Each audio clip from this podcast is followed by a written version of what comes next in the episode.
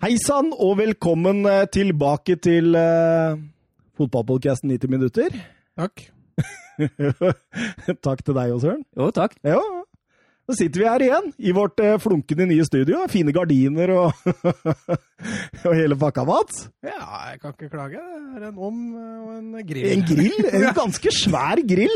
I tillegg har vi sofa her inne, så det er uh... Men det, det, er fordi at vi kan ha fort sendinger opp i tre og fire og fem og timer, og da trenger vi Vi trenger et sted å legge oss ned. sånn kan det være. Men åssen um, har du hatt det siden sist? Nei, det har gått lenge siden forrige sending, da. Ja. Det, det, har vært, men jeg må jo si det er fryktelig deilig at eh, Champions League er tilbake. Ja, det, da, da er det noe som skjer i Jeg syns ikke det var så gøy, men uh... Nei, nei, det, det, den ser jeg. Men, men, det å gå og glede seg mandag og så starter du med to knalloppgjør Det ja, ja. blei sittende opp til to. vet du. Klarte jo ikke å vente til dagen etter med å se det andre oppgjøret. Og så får du gjerne mer Europa League òg, ikke sant? Og da er det jo rett før ligaen begynner igjen til helga, ja. så det, er, det, går jo i ett kjør. Og nå blir det jo bare bedre og bedre kamper i, uh, i uh, Europaligaen og Champions League. Så det, det. Er det ikke Real City og litt sånt i neste runde? Ja, for min del så er det jo Napoli-Barcelona uh, og, og, Real City da, som er Og vi spiller inn på tirsdag. Hvem av de går på tirsdag? Borsa. Søren, hørte du det? Ja, da får han dele på mine lidelser i dag, da. Ja, og den jeg hadde for ikke så veldig lenge siden. Ja, Det blir ikke noe sending på tirsdag. Vi må ta det på Vi må ta det på onsdag eller torsdag. Du får låne Viaplayen min, vet du, Mats. Så skal vi holde kjeft, vi. Um, nei, Søren, spurte jeg deg om det gikk bra, eller? Nei, men det, det går veldig bra, takk. Ja, du, du lever siden sist? Ja, jeg ja. gjør det. Seier ble det i helga. Åssen fotballkamper har du vært på live i det siste? Nei, det var på, på torsdag var jeg også på Ready mot Grei. Um, endte 3-3 etter at Reddy leder 3-0 etter 26. Ja, for du tvitra et eller annet om at dette har Reddy kontroll på. Ja, altså enten 3-3. Hvor langt er det fra Reddy til Manchester United og Juventus? Da? Det er ganske langt. I, I, avstand, eller? Jeg tenker mer i kvalitet. Ja. Jeg, jeg, jeg tror det er ca. 1000. Ja. Og så var jeg på lørdag og så på Frikk mot Oppsal. Den vant Oppsal 1-0. Frikk? Frikk? Frigg? Frigg, Frigg Oslo, ja. ja. De som spiller utafor Chateau Neuf der? Ja, det er rett utafor der jeg bor. Så. Ah. Grei, det er Gro... Nei, Gro... All, nei, Ammerud? Hvor er det du så kampen? da? Var det hjemme? Den var, nei, den var på, den var på Heming kunstgress. Å ja, på vestkanten. Så da fikk hun huka én ting til i den hopperen-appen sin. Det stemmer.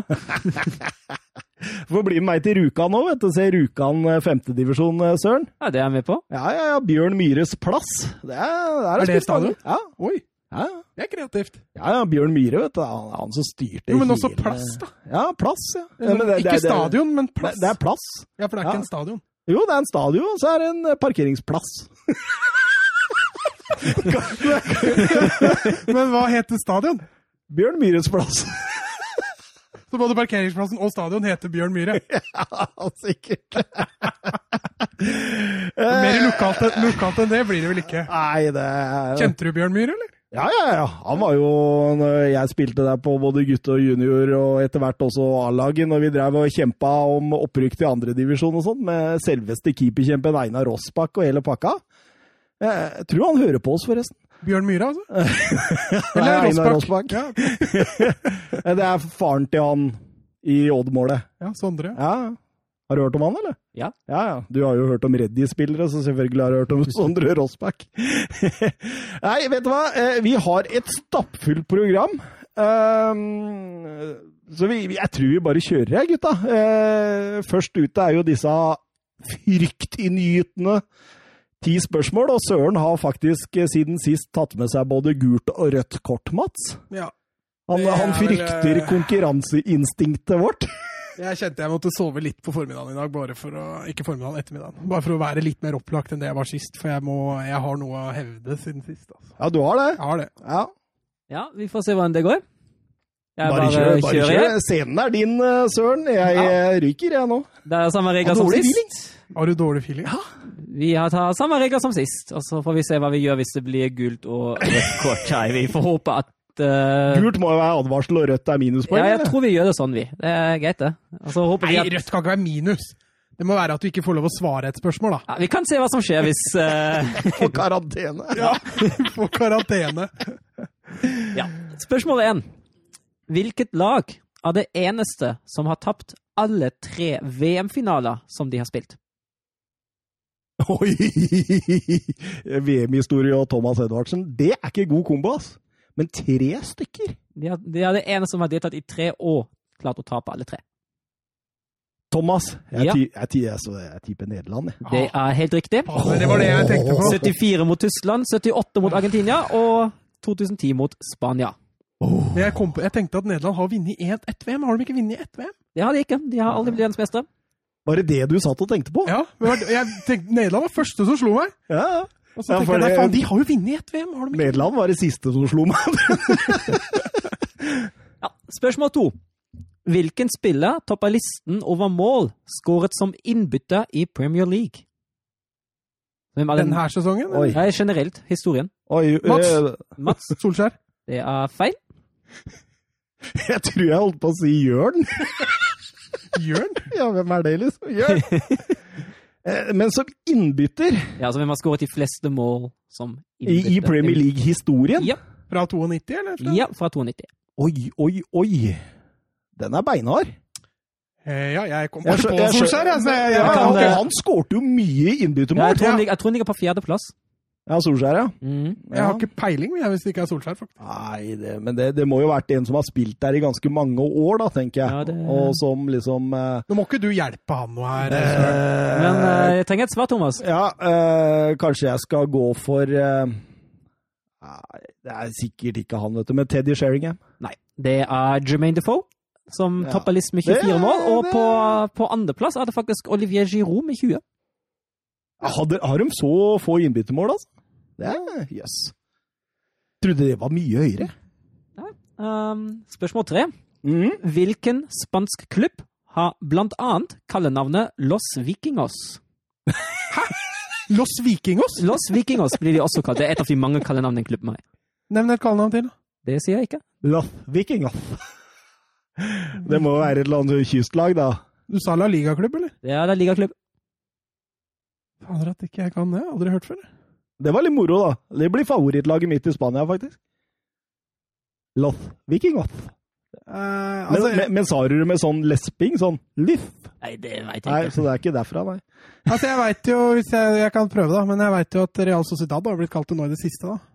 Ja, nei, det er ikke de jeg tenker på. Nei, for dette er fra gammelt av. Du, Ja, du tenker ja, på i forhold til ja, mange ja. Ja, det var, det var fiffig. Eh, jeg må jo bare tippe, jeg, så da sier jeg Getafe. Nei. Det er faktisk selveste Real Madrid. Uh, og jeg har funnet, uh, jeg har funnet to historier på dette her. Uh, den første kom fra 1960. De vant 7-3 mot Eintracht Frankfurt i serievinnercupfinalen. Og da ble de av en engelsk journalist sammenlignet med vikingenes invasjon av Europa. Og på 70-tallet var de litt notoriske for å kjøpe mange tyske og danske, altså litt sånn blonde, høyreiste spillere. Da begynte de å bli kalt Los Vikingos av Atletico-folk. Um, og Atletico ble det av realfolk omdøpt som Los Indios. For de kjøpte denne type spillene. Ja. Ja, ja, Ja, ja. ja, nei, det, jeg, jeg, jeg, var bekymret. jeg mener ikke at jeg skal heie på de videre. Real-fan, du nå. Beinhard. Spørsmål, spørsmål fire. Da er vi ute etter én spiller, og jeg går først gjennom klubbene. Og så kommer jeg med noen hint om den spilleren, men den, dere kan bryte inn når som helst. Oi, den, den er litt morsom. Men tar du klubben i kronologisk, eller? Klubben er kronologisk, ja. Klubbene er Racing Club, Genoa, Real Zaragoza, Genoa, Inter Milan og Racing Club. Han forlot Inter i 2014, og han la opp i 2016. Han har spilt landskamper for Argentina og fikk to kamper i Eh, VM. Thomas! Ja, Nå, nå surrer jeg, vet du. Selvfølgelig det. jeg tenkte jo på Diego Milito, jeg nå. Det er jo helt seg feil type epoke, men jeg får jo bare svare. ja, hva sier du? Eh, Diego Milito. Det er helt riktig, det. Det er helt riktig, Det er riktig. Han var jo der når du sa Diego Milito. Ja, faen, det stemmer jo. De, andre, de, de neste hintene var at han var spiss, og han er kanskje mest kjent for sine to mål i Champions League-finalen 2010. da Inter Det, det er så flaks, det der, han der, altså. Men det, det var et eller annet med klubben nå, Ja, som var nei, godt var å skure skurre. Ja, Da leder Thomas 2-0 etter fire spørsmål. Spørsmål fem, og det er et litt lengre spørsmål, så her må dere følge litt med. Både i Premier League, Serie A og La Liga finnes det flere byderbyer.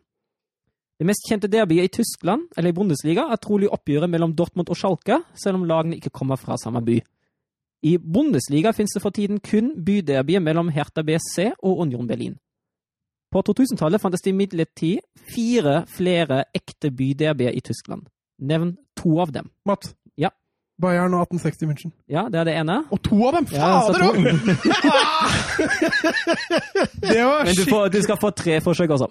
Åh, nei, jeg tenkte Du bare får ta de der av Eintracht og Frankfurt, da. Ja. Nei, der dreit jeg meg ut. Jeg, jeg, jeg tror ikke jeg husker uh, Må jeg bare tenke. Uh, for det var ikke flere oppe fra Berlin. Uh, München hadde ikke flere. Dortmund Dette blir god podcast. Jeg, jeg burde jo tenke nå, faen. Nei, du hva, nå er jeg helt blank, faktisk. Eh, nei, jeg må si pass, jeg. Ja, Thomas. Ja, det tror jeg jeg må si òg, men uh, hvorfor sitter jeg og jazzer istedenfor å sitte og tenke når du tenker? Det, det er helt utrolig, altså. Nei, jeg, jeg må jo uh, Altså Du skal få tre forsøk, du òg. Åh, ja, jeg må jo si uh, Bayern München og 1860 München. Da er det bare to igjen. Ja, det var to igjen, men det er riktig, ja. Får jeg ikke tre nå? Eh, nei, um, da må vi Vi må nok til Nå drøyer den, du hører det, ikke sant? Ja, jeg, jeg, med. Jeg gjør det. Jeg, jeg kan jo ikke dette, vet du. Jeg veit jo ikke. Så jeg, jeg må jo bare tippe, da. Så jeg, Tipp jeg sier uh, Karlsroe og Nå er jeg bare spent hva som kommer før. Hvem er byderby? Men Nå kjøper jeg tid igjen, du hører det? Ja, nei, altså, vi kan si at det er feil. Ja. Um, da, da tar vi ja, Får jeg ett til, eller? ja, ja, sant, du får en til. Ja, Ja, vær så god, men det må komme nå. Ja, ja. Stuttgart og um, Werder Bremen.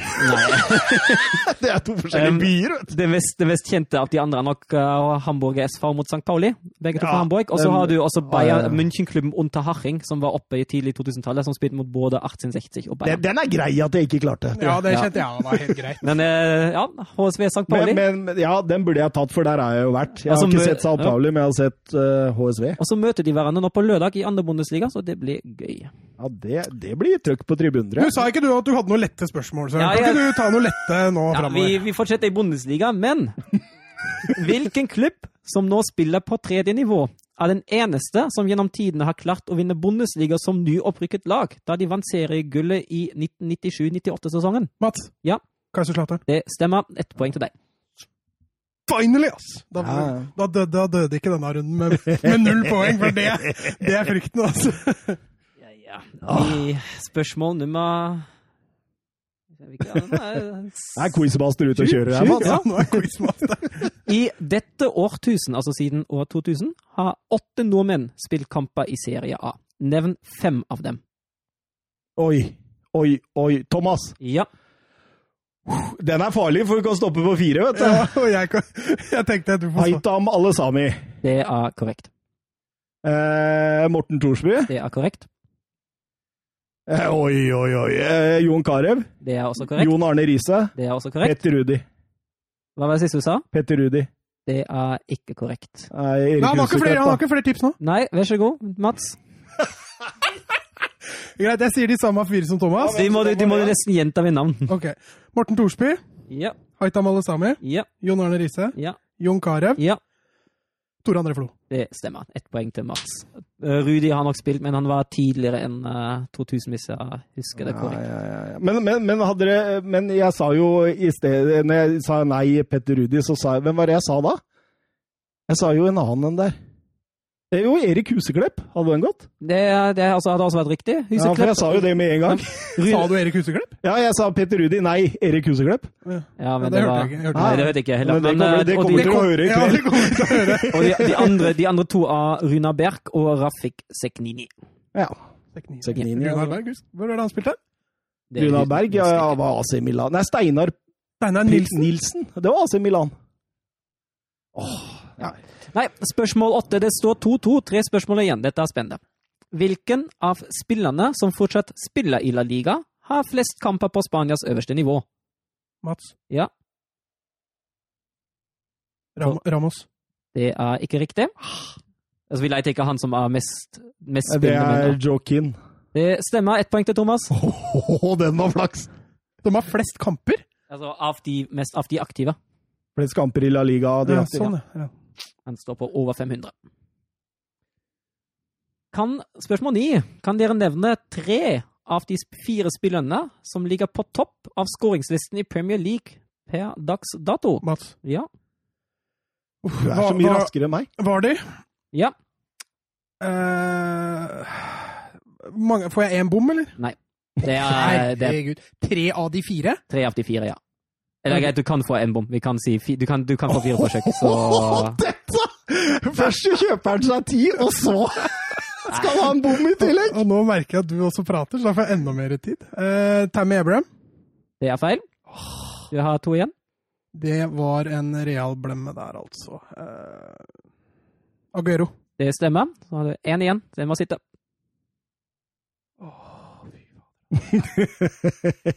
Det er så jævlig dumt, for nå er det bare å gå gjennom laga. Uh, hvis du har Det er sikkert en Eh, Mané!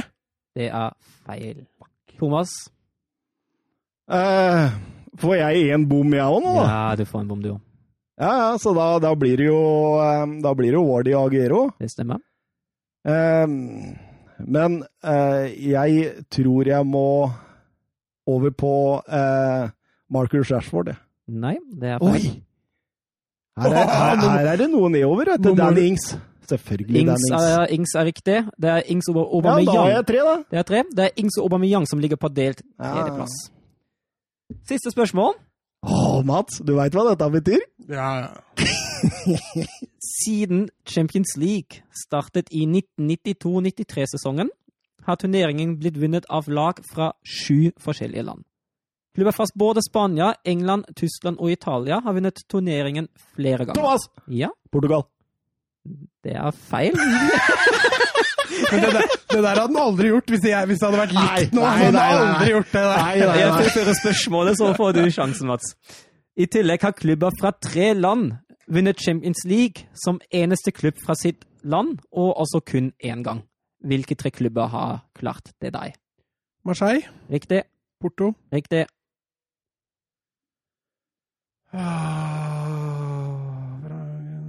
Ajax? Det er altså riktig. Da blir det ett poeng til deg. Ja, ja, ja, den var fin, den. Men uh, Ja. sluttresultatet Hadde Portugal. Du, du traff bra der. Sluttresultatet blir da sånn at Thomas vinner med 4-3 mot Mats, den er- og den- den er vinner deilig. da et eple i premien. Å, deilig, takk. Den skal vi eh, kanskje knaske på på bilturen hjemover. Vel fortjent. Å, takk skal du ha. takk skal var du det ha. ikke, søren. Og, og, og, og korta og black vist i deg. Jo, jeg, jeg syns egentlig det, fordi jeg hadde den husekleppen. Den kan du høre på tapen etterpå. At jeg sa huseklepp istedenfor Rudi. Sånn. Nei, ja, det var Men jeg veit ikke hvor lang tid det egentlig gikk mellom. Men da hadde jeg jo hatt det òg. Da hadde du hatt hva da? ett poeng til der òg. Hadde jeg bare ikke tenkt Petter Rudi, men Erik Huseklepp. Ja, det er jo samme spillere som ligner på hverandre. Så det var fortjent, Mats. Det var, det var fortjent. Altså, Jeg veit jo at dere har sittet i bilen sammen på vei opp hit. Eh, Så hvis jeg sjekker vipsen til eh, Søren, så er jeg ganske sikker på at det er noe, noe Søren har ikke vips, han, så jeg betalte den kontant. Ja, nettopp. Hvis jeg sjekker lommeboka til Søren, da, så er det noe cash der. i hvert fall. Vær så god. Nei, men vet du hva? Vi eh, sier takk for nå. Hva er, hva er sammenlagtstillinga nå, Søren? Nei, nå er det oss to med fire poeng, og Mats med to. Ja. Jeg tror vi må henge det opp et sted. det er lenge igjen, Edvard. Ja, det er det. det, er det. Så jeg, jeg skal være ydmyk og si du, er- du, har jo enorm fotballkunnskap, så jeg er jo livredd hver gang jeg møter deg.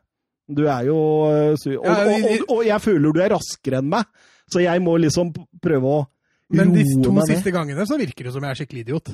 Eh, ja, men, men, men forrige gang, det var litt rart, for da satt du så laidback. Ja, men da var jeg liksom ikke helt på. helt sånn Nå var jeg jo litt mer på. Ja, du, du, du hadde jo til og med sovet for å Ja, nei, det er håpløst. Nei, vi kjører uh, intromusikk etter 19 minutter av sendinga.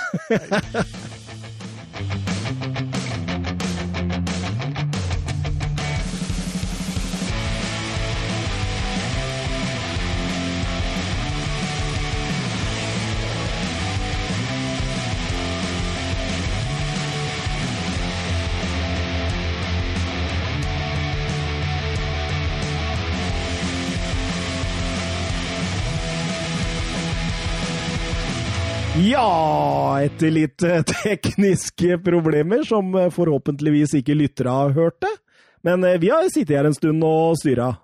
Ja, du har sittet her og styra. Vi sitter jo og prater sammen, vi er søren, så vi Dere har det ganske hyggelig. Men det ser ut som det er Søren som er mest stressa, men det handler vel om en Wolfsburg-kamp, Søren? Ja, Den eh, rakk jo akkurat ikke de første minuttene av den nå, så ja. vi begynner på Twitter, vi. Jonathan Hobber han sier eh, torsdag, ja, når vi skriver at vi spiller inn torsdag. Eh, skal gutta se Champions League nå, eller? Gå gjerne litt igjennom. Eh, for vi har jo nettopp eh, vært vitne til fire Champions League-kamper, Mats. Ja. Eh, hvilken av kampene Hvilken av laga imponerte deg mest? Leipzig syns jeg var, var bra. Det var en god bortekamp. Ja, absolutt. Og så er det klart resultatet Atalanta-Valencia er jo veldig imponerende Atalanta. Men det lå litt i korta, jo da. på grunn av Garay-skaden til Valencia. litt Og sånn. hvis du så kampen, så var det jo litt flatterende også, syns jeg. Det var ikke noe typisk 4-1-kamp. Valencia kunne fint hatt et par mål, de også. Men det var mest på slutten, eller? Ja, den kunne hatt et par i første òg. Ja. Men, men Atalanta vinner fortjent, men, men 4-1 var, var kanskje litt flatterende. Dortmund og Haaland var selvfølgelig strøkent å se på. Du blir jo Ja. nostalgisk når du ser Haaland legger den i krysset fra For Haaland, Søren. ja ekstremt bra kamp den dag, altså. Eh, Hæ? nydelig gjennomført. Nå er han på nivå med Lewandowski. Er han det, eller, Søren? Nei. Nei. Som sagt, jeg, jo, jeg har jo sagt det før, jeg syns han er en veldig god spiss. Det er han jo absolutt. Men uh, skal bare passe på å ikke hive den i verdensklasse for tidlig. Han er faktisk den raskeste til ti Champions League-mål i historien. Ja, han overgikk jo Mbappé, så det sang etter. Og fortsatt så har han i hvert fall én kamp igjen, så Og så annen den eh, andre spilleren i, som har vært aktiv i Tyskland noensinne, som klarer å skåre i debuten for klubben sin i liga, cupen og i Champions League. Og den andre som klarte det, var Bobakar Sanogo, og han klarte faktisk for både HSV og Werder Bremen. det er litt artig. Å, Sanogo. Men eh, så dere den spurten hans, eller? Den har blitt uh, heftig uh, snakka om i media i det siste. Ja, det er først og fremst norsk media. Um... Ja, men det, er, det var italienere Ja, som dro det var italienere som Ja. plukka den opp, ja. Men når du blar gjennom Twitter, så er det Viasat og TV2-sporten som eh, Den der videoen til TV2-sporten hvor han løper fra først Usain Bolt, og så Den det, var er, det, bra, er, det er bare i Norge du finner sånne, sånne videoer. Men altså, 60 meter på 6,64 måler det italienske Ja, eh, jeg, sist jeg løp 60 meter, var, eh, var på ungdomsskolen. Men, Jeg men, kan, jeg kan skryte av 8,1. men hvis den eh, målinga stemmer, da, eh, som man i hvert fall gjør sånn røftlig Vet du hva det hadde holdt til i VM på sjette På, se, på sjette i På, sjette, på sjetteplass? I sjetteplass. Er svaret sjetteplass? Nei, det, det, det er ikke det. Er det ikke sjetteplass heller? det på, på eh, 60 meter, VM eh, i fjor, så hadde de holdt til en sjuendeplass. Ja, Det er ganske heftig. er. Ja, men jeg leste riktig at han starta da med fart. Ja, det, det regner jeg med han gjør. Ja. Men uh, likevel, da. Det er fortsatt gress i forhold til dette og sko og Ja. Nei, veldig imponerende. Uh, Atletico Madrid mot Liverpool, da, det var, uh, det var satt i kassa etter tre minutter, og så eide Liverpool resten av kampen. Ja, det gjorde det, men eh, Atletico kunne fint skåra et par mål til dem òg. Da. Det var mye rom å løpe i der for Atletico, men eh, det var litt som å se gode, gamle Atletico Madrid igjen. Altså. De var komfortable. Liverpool hadde ikke ett, en eneste avslutning på mål i den matchen. De grinder ut resultatet. Ja, de gjorde det. Den der Atletico, det er litt som gode, gamle Atletico. Eh, De er nødt til å skru opp enda et hakk hvis de skal overleve på Anfield. Ja, der skal de få kjørt seg, tror jeg. Men, men jeg, Jeg tror tror, altså. jeg tror allikevel prosentene økte litt for Atletico Madrid. Før den kampen her så var det Liverpool var ganske kraftige favoritter. mm. De er fortsatt favoritter, men uh, jevna seg litt ut. Og Tottenham uten eh, stoppere, nei, holdt jeg på å si, spisser mot Leipzig uten stoppere. Ja, jeg spurte deg jo før sendinga her om eh, hva du syns om Mourinho-kommentaren med at han var fornøyd. Nei, altså, dette er jo spill for galleriet, ikke sant? Dette er jo taktikk for å kunne fortelle og, og skru ned forventningene til eget lag til returmatchen. Jeg tror han har en strålende plan der. Tror eh, fort man kan fort vinne i Leipzig. Ja. Eh, da, da ryktes det jo også at eh, i hvert fall den ene av disse to superspissene våre er tilbake, kanskje med en skinne eller en støtte eller et eller annet sånt da, i sonen. Og det, det ville jo vært en massiv boost. Ja, du ser jo det mangler jo en spiss. Det er jo ikke Ja, det gjør jo. Det er jo ikke spisser der, så. hørte du Mourinho han sa det at eh, eh, for noen uker siden så hadde vi ikke spisser på benken. Nå har vi ikke spiser på banen. Men hvorfor får ikke Parrot muligheten? Han satt vel ikke på benken heller? Nei, han, eh, han er en lut, ute med en liten hamstring akkurat nå. Så det passa dårlig, det òg. Men ja, at han hadde Du spurte jo meg, og jeg sa jo det at uh, trolig vil han stille Lucas, Bergwijn, uh, Lo Celso Alley. Og jeg fikk jo rett. Ja. Uh, du er søren uh, Men, men jeg bomma. Gedson, Gedson. Han, fikk starte. han fikk starte Ja. istedenfor Tanga Ndombele. Ja, stemmer. Ndombele var, eh, var Han er ikke klar for 90 enda. Han klarte seg OK, Gedson, men det var mest offensivt, egentlig. Ja. Han sleit litt i Du så det var mer i klasse når Ndombele kom inn. Ja, du gjør det. Absolutt. Ja. Men eh, ja det, det var vel ikke noen sånne store bomber, hvis man leser sånn resultatmessig. Nei, At, eh, største bomba er vel resultatet av Atalanta-Valencia. Man skulle vel kanskje tro at det skulle være litt mindre forskjell. Og så er det kanskje at Atletico fikk eh, beholdt nullen. Men det er jo det er jo veldig gøy. Blir det spennende returoppgjør. Det gleder jeg meg til. Og så var det flatt, det PSG-greiene. altså. Det var, Det var flatt. fryktelig flatt. Ja, det Det var. Neymar-Mbappé-greiene. Men, men gå gjennom PSG-laget nå. Det er ikke sånn det er, det er ikke out of this world eh, førsteelver. De har eh, Neymar og Mbappé og en ålreit Icardi, men bakover Icardi fikk jo ikke spille eller? Nei, nei, men eh, bakover så er det liksom sånn Altså, du, du ser at eh, Thiago Silva har vært bedre før. Marquinhos er jo en god fotballspiller, for all del. Ferrati brukbar, men han, han er jo litt sånn ah, Han er litt sånn vanskelig å forstå seg på. Og så sliter han, altså når, når PSG sliter, så er Verratti gjerne litt under pari. Ja. Han har fortsatt innsatsen og trøkket, men det blir ofte frispark. Han surrer jo på seg et gult kort der, litt unødvendig. Eh, Men altså, jeg blir litt skuffa over det offensive. Du gleder deg litt til det offensive. da. Di Maria, Mbappé, Neymar. Og så er det Neymar der, da. Den ruller rundt der og Nei, det, er, så flaut å se på. Men forspillet til Mbappe på Neymars mål, det var helt Han har litt flaks der. Ja, han har vel Han sklir Uh... Sagadou, er det Ja, ikke? han sklir jo. Mm. Jeg nesten burde det kanskje vært straffe der. Han holder jo på å meie ned Mbappé der. oh. Men innhopp etter Reina òg. Det kan vi også nevne. Ja, veldig bra. Imponerende. Men det var Haalands kveld. Og jeg, jeg skal ikke ta fra Haaland noen ting, jeg bare sier at Reina hadde det.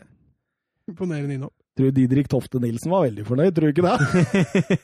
Det jeg tror. Nei, vi går- rusler, og vi, ja, vi har så stappa fullt program at vi må bare forte oss videre gjennom. Og da, da blir det Premier League, da. Da blir det Wolverhampton-Leicester 0-0. Den spiltes fredag for snart en uke siden, så Det er lang tid. mm, Men det, det var jo aggressive ulver mot listige rever. eh, Litt sånn eh, De spiller 0-0 for andre gang i løpet av sesongen, så det er tydelig at de to laga der sliter litt med å finne ut av hverandre. Ja, men de står bra til hverandre, det laga der. De er litt like. Ja, altså Wolfs Du ser dem er akseptable med at Leicester har ballen mest, og så Mm. gønner de på i kontraen. Og Leicester vil jo helst også ha muligheten til å kontre, og det er lag som da står, eh, står litt til hverandre. Så det er vel kanskje den store snakkisen, det som skjedde kvarter før slutt der. Du tenker på Hamza Shodri? Eh, ja. Ja, vi har jo vært borti han før, vi, Mats, har vi ikke det? Ja, vi har det. Vi har det. Da meide han vel ned Jonathan Bamba i, i kvartfinalen i uh, U21. Sist vi prata med han var vel når han meide ned Sala. Ja, han gjorde vel det òg, ja. Han meier stort sett ned, han Hamza Shodri. Men uh, syns du det var greit, eller? Greit kort? Ja, det var Det er to gule. Det er Helt uh, ok. Uh, vi, vi, jeg tror vi bare rører videre, altså. Og vi kjører videre til eh, Norwich mot Liverpool. Uh, ja, altså, Norwich tar ikke hensyn. Det sa jo også Farke før eh, matchen, at det skulle han ikke gjøre, selv tross eh, 4-1-tapet på Anfield. Eh, men jeg syns jo egentlig Norwich kommer ganske bra ut av det. Ja, jeg syns, jeg syns særlig, særlig i første omgang står de veldig godt imot. Har jo omgangens eh, største mulighet etter 35, når de går eh, med Rupp og Pukki mot Alison, og Rupp klarer å styre det til, og eh, selvfølgelig en meget god involvering av uh, Der sier du. Alison. Der sier du Alison. Klasse er det deg. Ja, ja. Klasse. Uh, men uh, fortsatt lov for å spille inn der litt, litt bedre. Ja, men apropos kjempekjanse, så er det en Keita i annen omgang der. Ja. Han, han satt den vel rett på Team Krul fra 1,5 meter. Da, da er vi igjen det er strålende keeperspill av Krul, men eh, det er også lov for å sette den Ja, for der han, bedre. han, for han er nede først Ja. og henter den, og så er det retur. Det er Ja. strålende Krul. Men eh, Sadio Mané, han kom jo inn. Ja, han skåra vel sitt første mål som innbytter den kampen her. Det er ja. litt rart å tenke på at det har gått så lang tid. Men uh, fin scoring. og ja, litt tilfeldig at den ballen detter ned i beina på den der andre. For et mottak da, Mats. Ja. For et mottak. Ja, han er jo livsfarlig når han kommer inn i boksen, for du veit jo aldri når han skyter og hvor han skyter. Så perfekte spilleren å få den muligheten for. Nok en kamp, egentlig, hvor som ligger og vipper litt og kan dra begge veier, men Liverpool er både smart nok, dyktig nok og heldig nok til å, til å vinne denne. Altså, jeg må jo si at jeg syns de vinner fullt fortjent. Jo, jo, jo. De er, eh, de er best offensivt. De har litt, sånn som påpeker, litt eh, trøbbel defensivt, spesielt i overgangene til Norwich. Men jeg må jo si at eh, naiviteten til Daniel Farke denne sesongen, den koster dem plassen. Altså. For de hadde vel litt mer kynisme i Norwich i enkelte matcher, så hadde det vært mer poeng. Men tror du ikke de har beregna dette?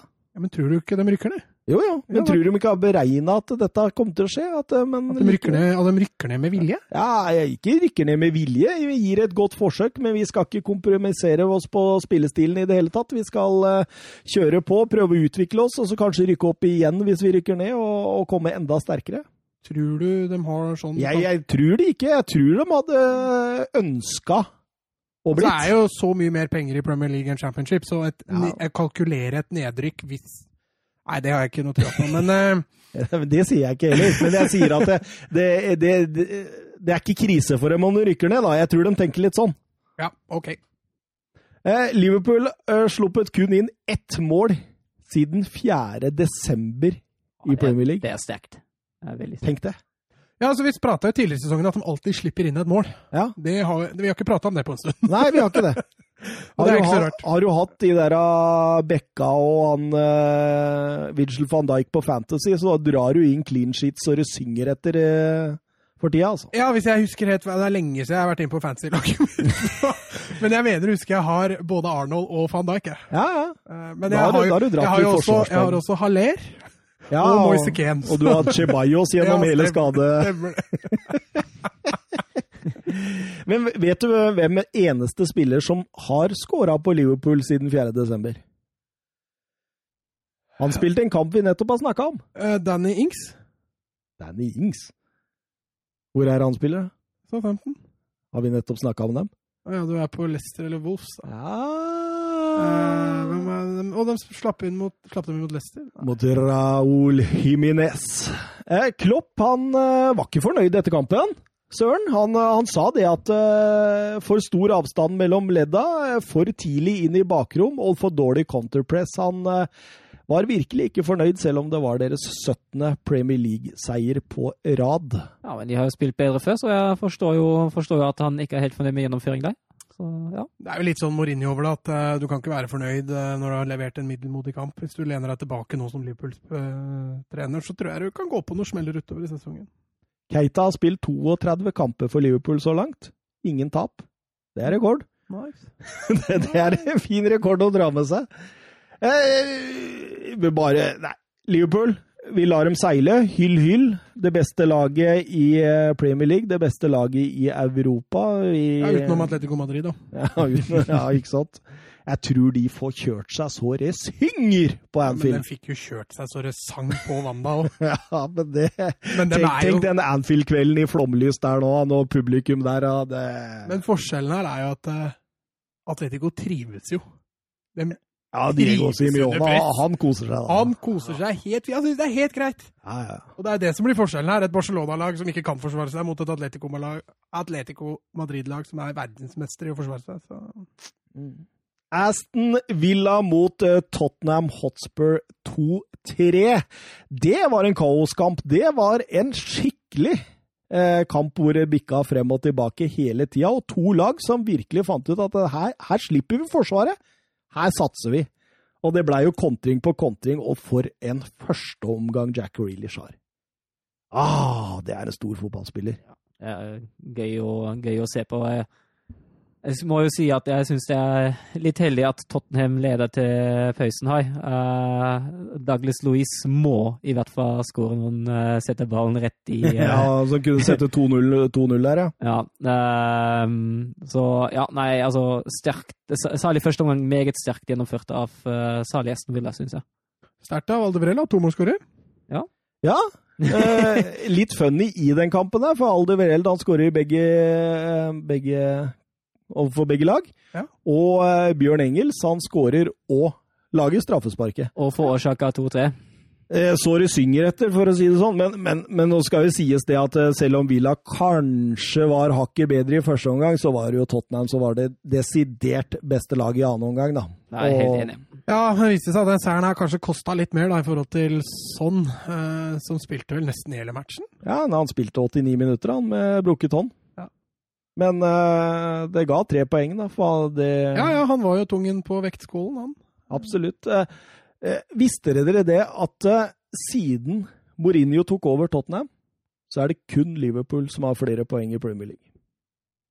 Det er litt merkelig å tenke på i forhold til hvor mye kritikk og litt sånn det har blitt ut av dette også. Ja, når du sa det sist, så var jeg litt overraska og stussa over det. Men, men, altså, det Det er så utrolig ujevnt da, i lagene bak Liverpool. Det avgis poeng hele tiden. Sånn at, at det, i du, øst og vest. Ja, men når du tenker deg litt om, så, så ja, Tottenham har vært OK solide under Mourinho. Så ikke så rart allikevel. Eh, Son han skårte seiersmålet 93-23, altså 3 minutter og 24 sekunder på overtid. Det er det seneste Spurs-goalen i Premier League siden august 2009, da Aaron Lennon skårte mot Birmingham. 4 minutter og 29 sekunder på overtid. Ja. Det er en stund siden når Birmingham spilte i Premier League. Altså. ja, det er det. Eh, Toby Aldeverell han er kun den tredje Spurs-spilleren i Premier League som skårer ett mål og ett selvmål i samme kamp. Eh, de to andre er Gareth Bale mot Liverpool i 2012 og Chris Armstrong mot Arsenal på 2000. År 2000 heter det hva? År Nei da, bare si to, på 2000. På, to, på 2000. Det er Mehmed som har pakka bagen.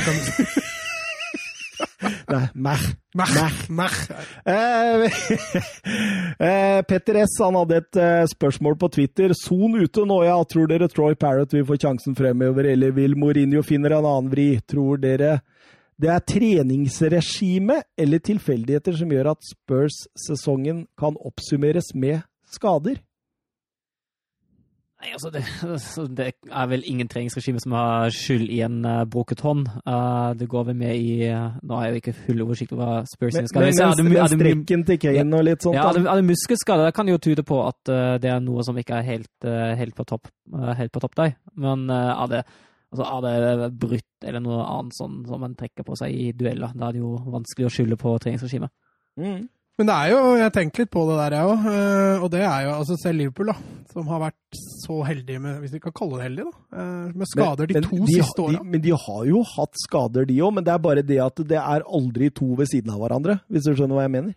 Nei, jo, jo, jeg skjønner hva du mener. Men, men det skadeomfanget, da, som for eksempel United, Tottenham, City og for så vidt. Eh, du kan gå utafor ligaen nå. Du kan gå til Italia og Spania og Tyskland òg. Men men Liverpool, da, som har så stor påkjenning på spillerne sine, som Salah, Firmino og Mané, som stort sett alltid spiller, men så lite skada. Mm. Uh, og da kan man jo selvfølgelig stille spørsmålet hva er det de gjør som ikke den andre gjør? For det har vært sånn i snart to år. Ja. Salah har jo, det er lenge, altså Sist Salah var skikkelig skada, var jo etter Champions League-finalen. Jeg tror Ramos... de fant svaret på det på, i Serie A på 90-tallet. skjønner du. Doping? Nei, jeg bare kødder. Kjøpe, kjøpe, kjøpe dommeren? Arsenal-Newcastle 4-0. En elendig førsteomgang av Arsenal eh, følges opp med en fantastisk annenomgang. Ja. Passende beskrivelse. og, og det er jo litt Arsenal.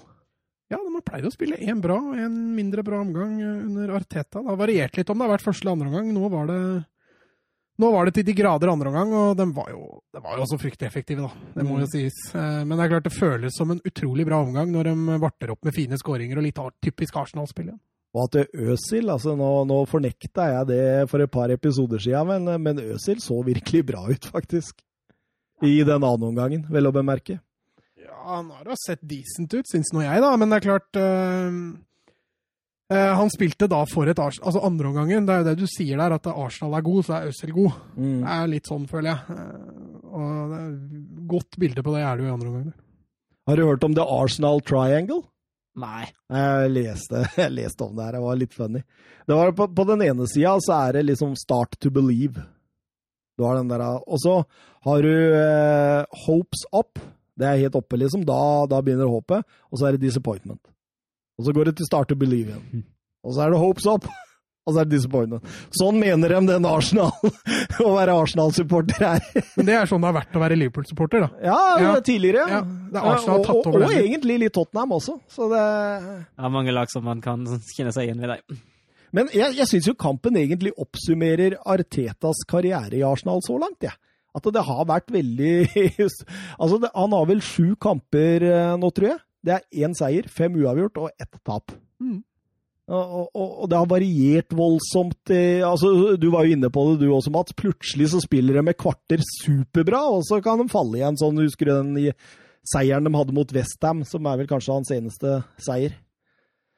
Eh, Daniel Ceballos, eh, banens beste. Ja, han var brukbar igjen, han. Mm. Eh, kaster han inn. Er litt sånn typisk Arteta-spiller. Eh, jeg tror kanskje han kan få en bra, bra vårsesong hvis han holder seg skadefri, og så kanskje Øsil får en konkurrent. Ja, han var strålende, og Arteta også sa jo det også, at han har jobba som et dyr for å komme tilbake nå. Så Nei, eh, hva tror vi om Arsenal framover? Kommer det til å bli sånn ujevnt fram, i hvert fall ut sesongen, så før han får begynne å tenke på sommer og bygge nytt? Ja, det tror jeg. Det er ikke fordi Arteta trener ujevnt. Det er vel mer med spillerne han har i laget. Det er, det er for mange ujevne spillere der. Ja. Er du enig, Søren? Ja. Ikke noe annet å tilføye der. Eh, skal vi eh, hoppe over på Manchester City mot Westham? Vi snakker ikke så mye om kampen. Det var totalt overkjøring. Et eh, Westham-lag som nesten er litt flaut å se på under David Moyes. De tok vel seier 4-0 over Bournemouth i hans første kamp som Westham-trener, og etter det så Det var, var en FA-cup jeg tror de vant der, mot et sånt eh, relativt dårlig lag, men etter der så har han ikke vunnet. det Altså, det var, det var en fryktelig dårlig West Ham-match. Ja, altså, City har jo fullstendig kontroll, og hadde City bare skrudd opp litt til, så tror jeg det kunne blitt 5-0. 6-7. Ja, det var nesten litt sånn uh, Westham hadde ingenting å komme med. Jeg så statistikk på det. Rodri hadde flere vellykka pasninger enn hele West Ham. Og Rodri var, var bra. Ja, Den- den ja, men altså, I en sånn match, da, når City spiller litt på halvgir, og Rodri er på, så er det en perfekt match for han. Mm. Eh, vi fikk et eh, spørsmål fra Jørgen B. Ready Nystuen, som sier eh, 'wunderbar', som eh, Søren ville sagt. det var i, i og med at vi skulle spille inn i dag. Eh, vil ha deres tanker om Uefa sin City-straff. Eh, litt eh, lite klart ennå, men diskuter gjerne litt rundt det. Og det har jo vært sånn at eh, Manchester City er nå blitt straffet av Uefa fordi eh, Eller på bakgrunn av eh, Football Leaks og det som sto i Der Spiegel i, i sin tid der, eh, med at de overrapporterer altfor høye sponsorinntekter.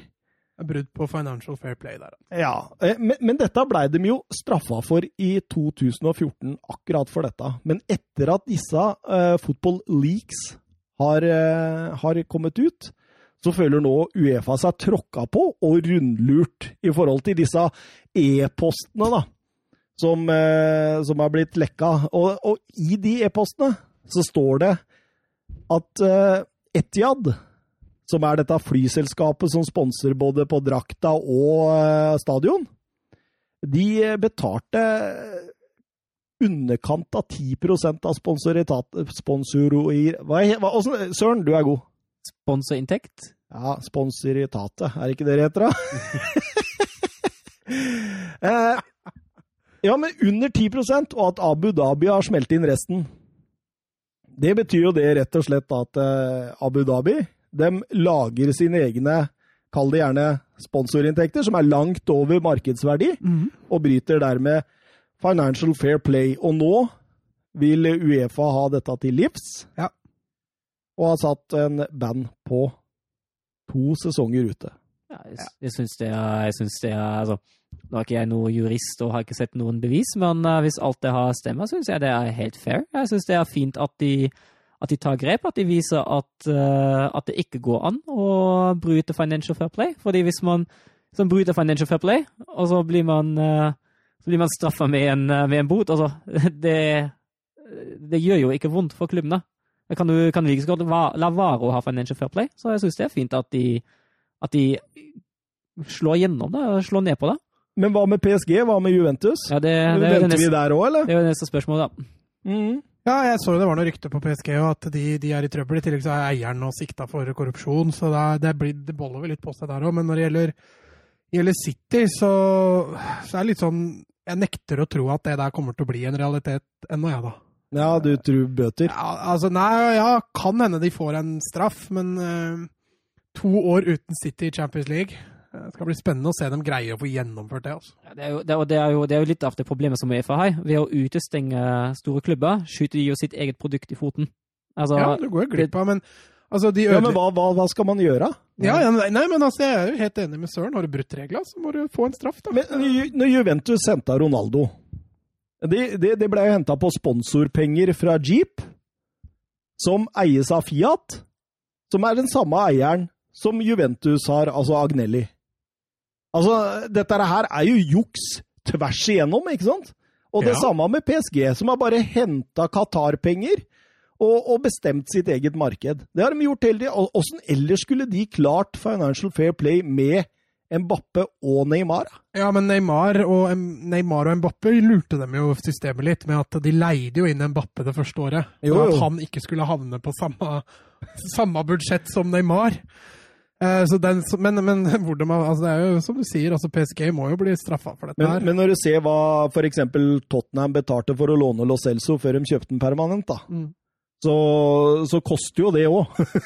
det er jo ikke sånn at eh, Mbappe kom dit gratis, liksom. Så han, han det, det, må jo Det er jo selvsagt at det blir miksa og triksa her.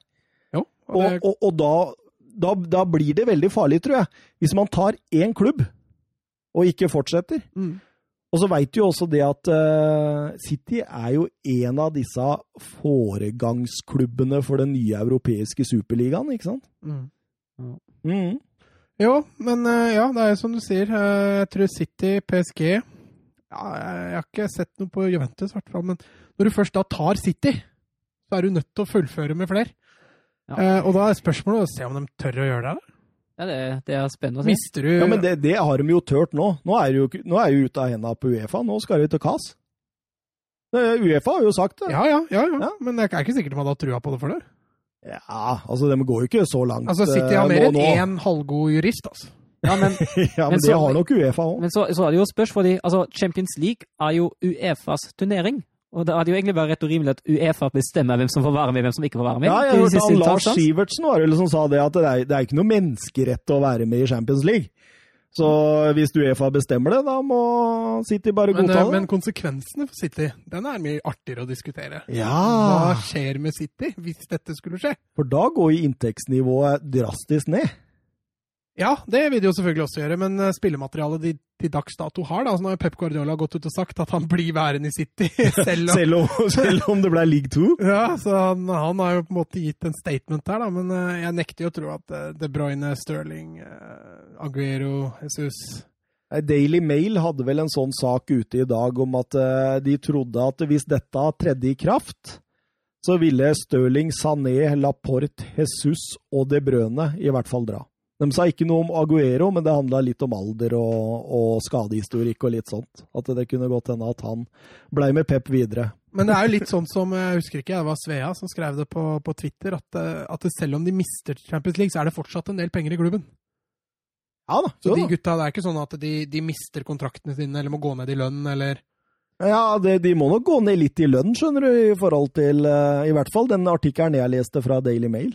Så, så, så blir det ganske mye striktere. Altså, de må jo i hvert fall selge et par stjerner for å kunne opprettholde lønn på andre i forhold til dette systemet. Da. Ja, ja, men da blir det jo veldig artig å se åssen det løser seg, dette. ja. Altså, en, en, liten på tampen der også.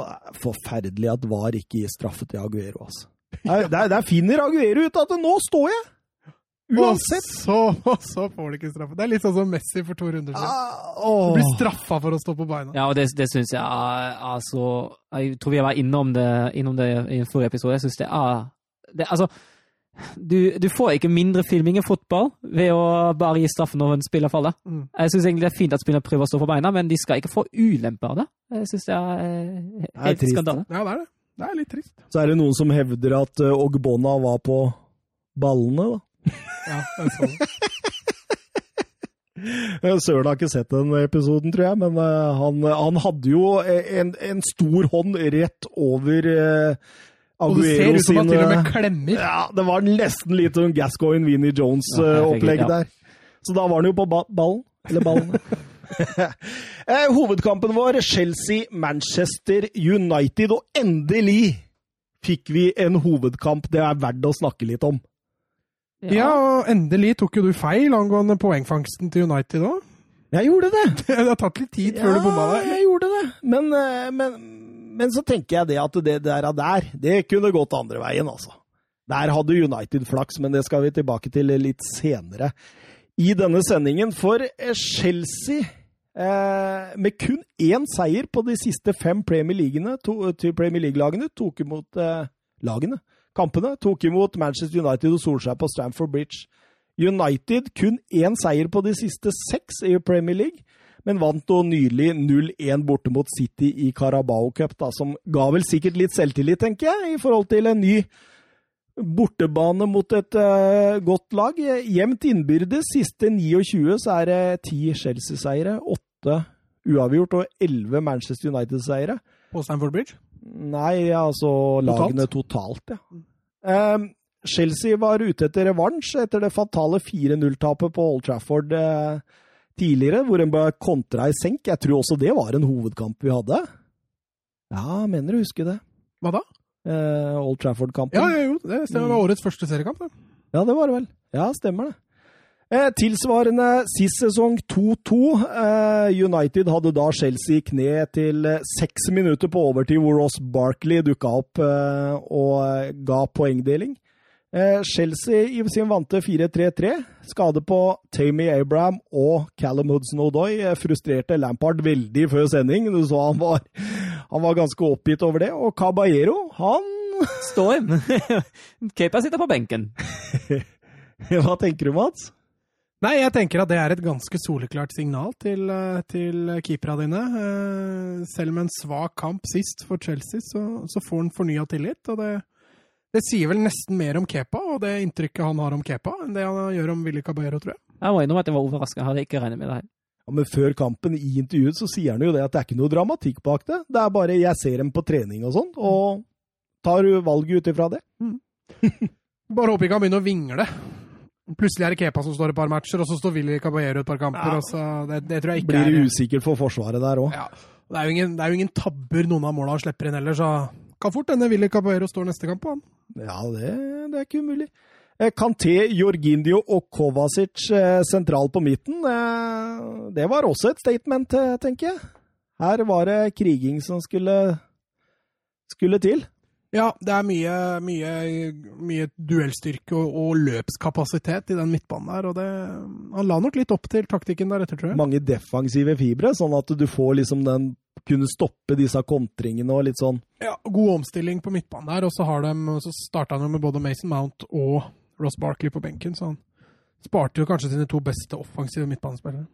Ja, en smørblid Ole Gunnar Solskjær òg fikk vi se på veien eh, portene på Stamford Bridge der. Han eh, hadde lada opp på Marbella og var nøttebrun i huden. Sjelden jeg har sett den så brun, faktisk. Ja, han har han fått noe mer pigmenter da, etter at han flytta til England. ja, også til England òg, til Manchester. Solbyen Manchester.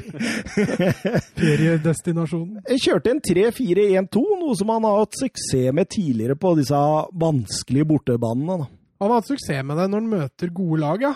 Eh, Jeg husker jo Liverpool-matchen, da var det den formasjonen. Han prøvde også det mot City.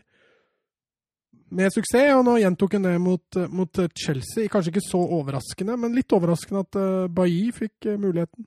Men uh, Lindeløf var jo skada, så han hadde kanskje ikke så mange andre alternativer. Ja, Solskjær han var eh, smørblid, han søren. Ja, Ja, men til tross for et Twitter-spørsmål vi har fått her, hva tenker eh, Didrik Tofte Nilsen? Hva tenker panelet om Mino Raiola hans åpenbare krangel med Solskjær? Er Mina Raiola genial eller klovn? Er det ikke inhabil eller klovn? For i så fall så er det mye mer riktig, for der, eh, der stemmer faktisk begge. Ja. Han er både inhabil Han er både klovn. inhabil og klovn. Mm. Eh, hva, fikk du mer av den krangelen, eller så? ja, det var vel Han gikk vel altså Pok Nei, eh, var det ikke sånn at Solskjær sa at uh, Pogba ikke tilhører ikke Raiola, men Manchester United? Og så tente vel Raiola på alle plugger på Twitter uh, og kom med et uh, litt lengre statement der. Um, Ja, han antyda slaveri Ja, og han litt gjorde sånn, det. Han gjorde det. Altså, altså det eneste som, Sol- som Solskjær sier, er jo at uh, Pogba har en gyldig kontrakt med Manchester United. Det er det han må forholde seg til, og det har han jo 100 rett i.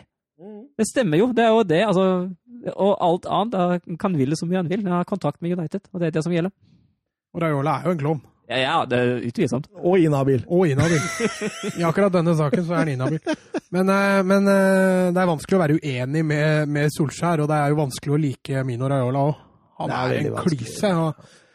jeg, blir, jeg kjenner jeg er veldig overraska over spillere som har typer som Mino Raiola og Jim Solbakken og sånt som agenter, for det er, eh, det er shady mennesker, altså. Har ikke Linga hatt nettopp gått over til Raiola òg? Det kan godt sikkert stemme, det. Ja, han eh, prøver å få tvunget over en overgang til Roma. Det? Kan hende at jeg tar feil, også, altså, men jeg tror- min har hørt det. Ja. Det kan sikkert stemme. Jeg Men Erling Braut Haaland derimot, han har skrytt av Royola! Jo, men jeg tror spillere som er i hans stall, Ja. tror jeg altså de, Det må jo være en eller annen grunn til at de bruker den. Ja. Eh, han er nok en dyktig til å forhandle med klubber, og han er nok veldig godt likt blant spillere han har i stallen. Altså, han har jo Zlatan, han har Pogba, han har Haaland, han har, han har jo ganske mange store stjerner. Eh, så, men, men han er jo bannlyst i flere land, da. Godeste Mm. Raiola får ikke lov å forhandle med, med flere klubber og flere land. så han Jeg vet, Tottenham tar jo ikke spillere hans med ildtang engang. Nei, men det tror jeg det er flere og flere klubber som Mm. gjør. Eh, Jeg tror også United begynner å få bli ganske lei Ja. eh, Raiola, og du så, også, du så også Barcelona. Når de ønsket en spiller fra Raiola, så, så var det ikke så aktuelt allikevel. Og da. Ja, Nei.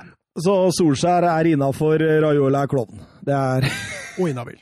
og inhabil.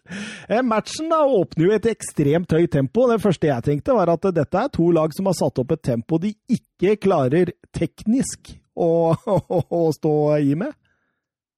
Hva sa du for noe? Datt jeg det jeg sier til deg, Mats, er at kampen begynte i så høyt tempo at jeg føler at spillere hadde ikke teknikken nok til å følge det tempoet. Nei, altså Chelsea var veldig direkte. Eh, United visste vi jo kom til å kontre, men eh, de mestra det ikke så bra i starten der. Og ja, var, de, begge lag hadde bestemt seg for å kjøre høyt tempo, i hvert fall. Det var noe voldsomt òg. Og eh, det så jo virkelig ut som Erik Bailly skulle være en klovn baki der de første ti Når jeg, når jeg så han inn på startelveren, tenkte jeg nå Nå. dette, Nå. Altså, Han har ikke spilt fotball på tre år, Nei, nei. og så skal du dytte den inn i den kampen. Og det første han gjør, er jo to ganger å skyte bort ballen. Rett til Chelsea-spiller! Og så vokser du som det han gjorde. Ja, han blei jo Altså, han tok det jo til seg veldig, da. Hadde jo et par sånne ende utover i matchen, Ja men likevel, altså det, det er strålende. Fem minutter, Søren. Reece James forsøker skuddfoten.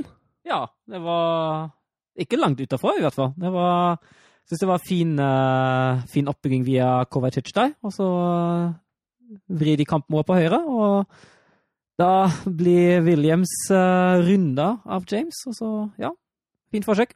Ja, han, han tar den på ytteren der og skyter. Jeg syns det er veldig fin uh... Ja, så kommer skuddet litt overraskende.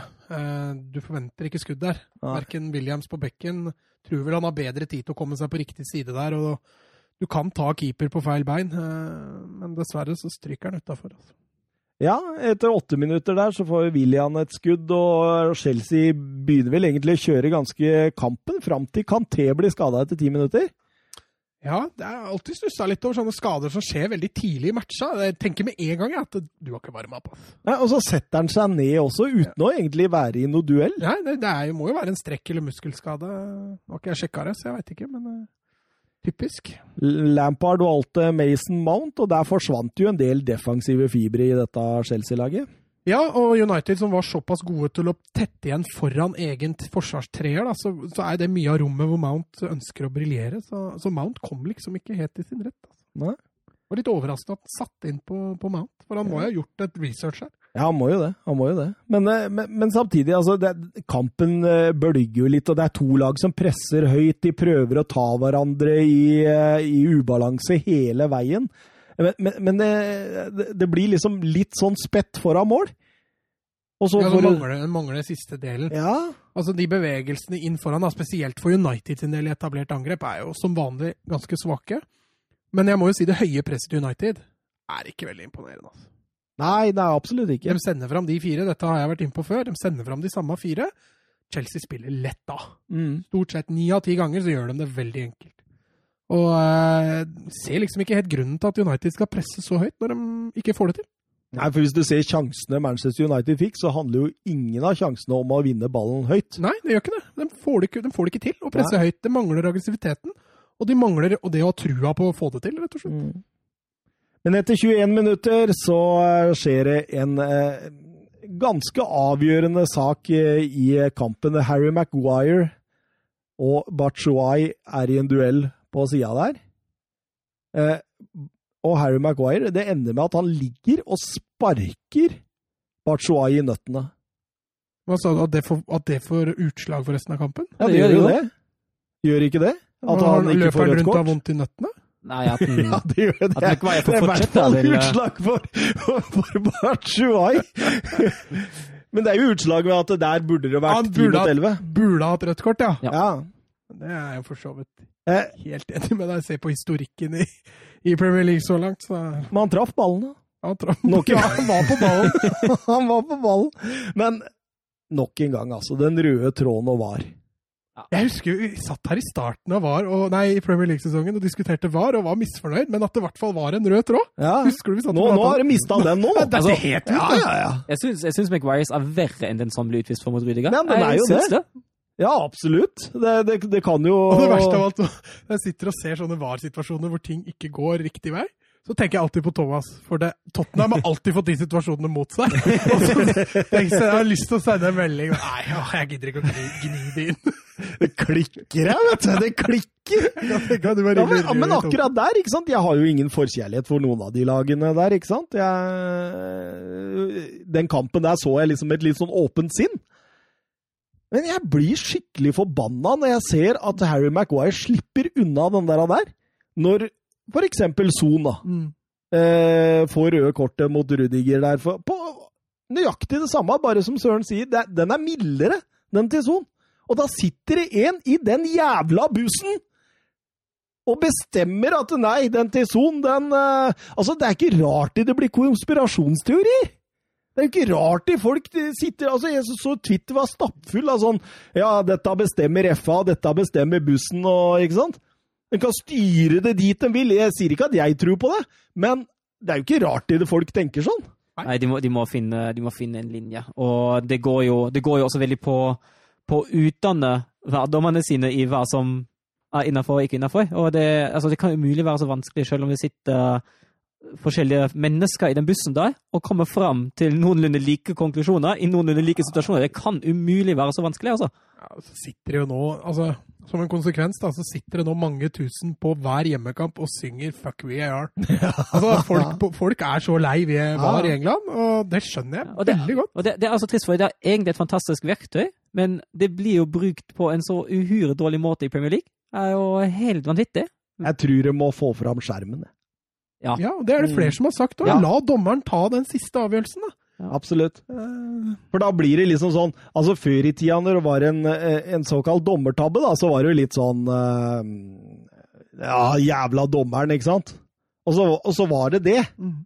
Men her så sitter man og spoler igjennom og ser replay på replay på replay og vurderer Altså, det, det, det er mye eh, mer akseptabelt da, for en supporter å tenke at eh, ja, men akkurat det så ikke dommeren. Det var litt vanskelig å se. Mm. Ok, der liksom, Han måtte ta avgjørelsen da.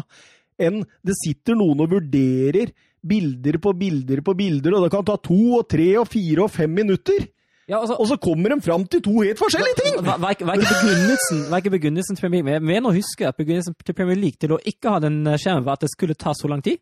Var, var det ikke noe, var det, Spilte ja. ikke det en stor rolle? Ja. ja, altså, Jeg så jo, kom jo inn på det senere, Wolfsburg-Hoffenheim. Uh, tre, ganger, tre ganger var, to ganger går han til skjermen og finner ute i løpet av 30 sekunder. Det er helt greit. Ja, ja. Null stress. Men Premier, altså, engelskmennene vet du, de skal gå sin egen vei.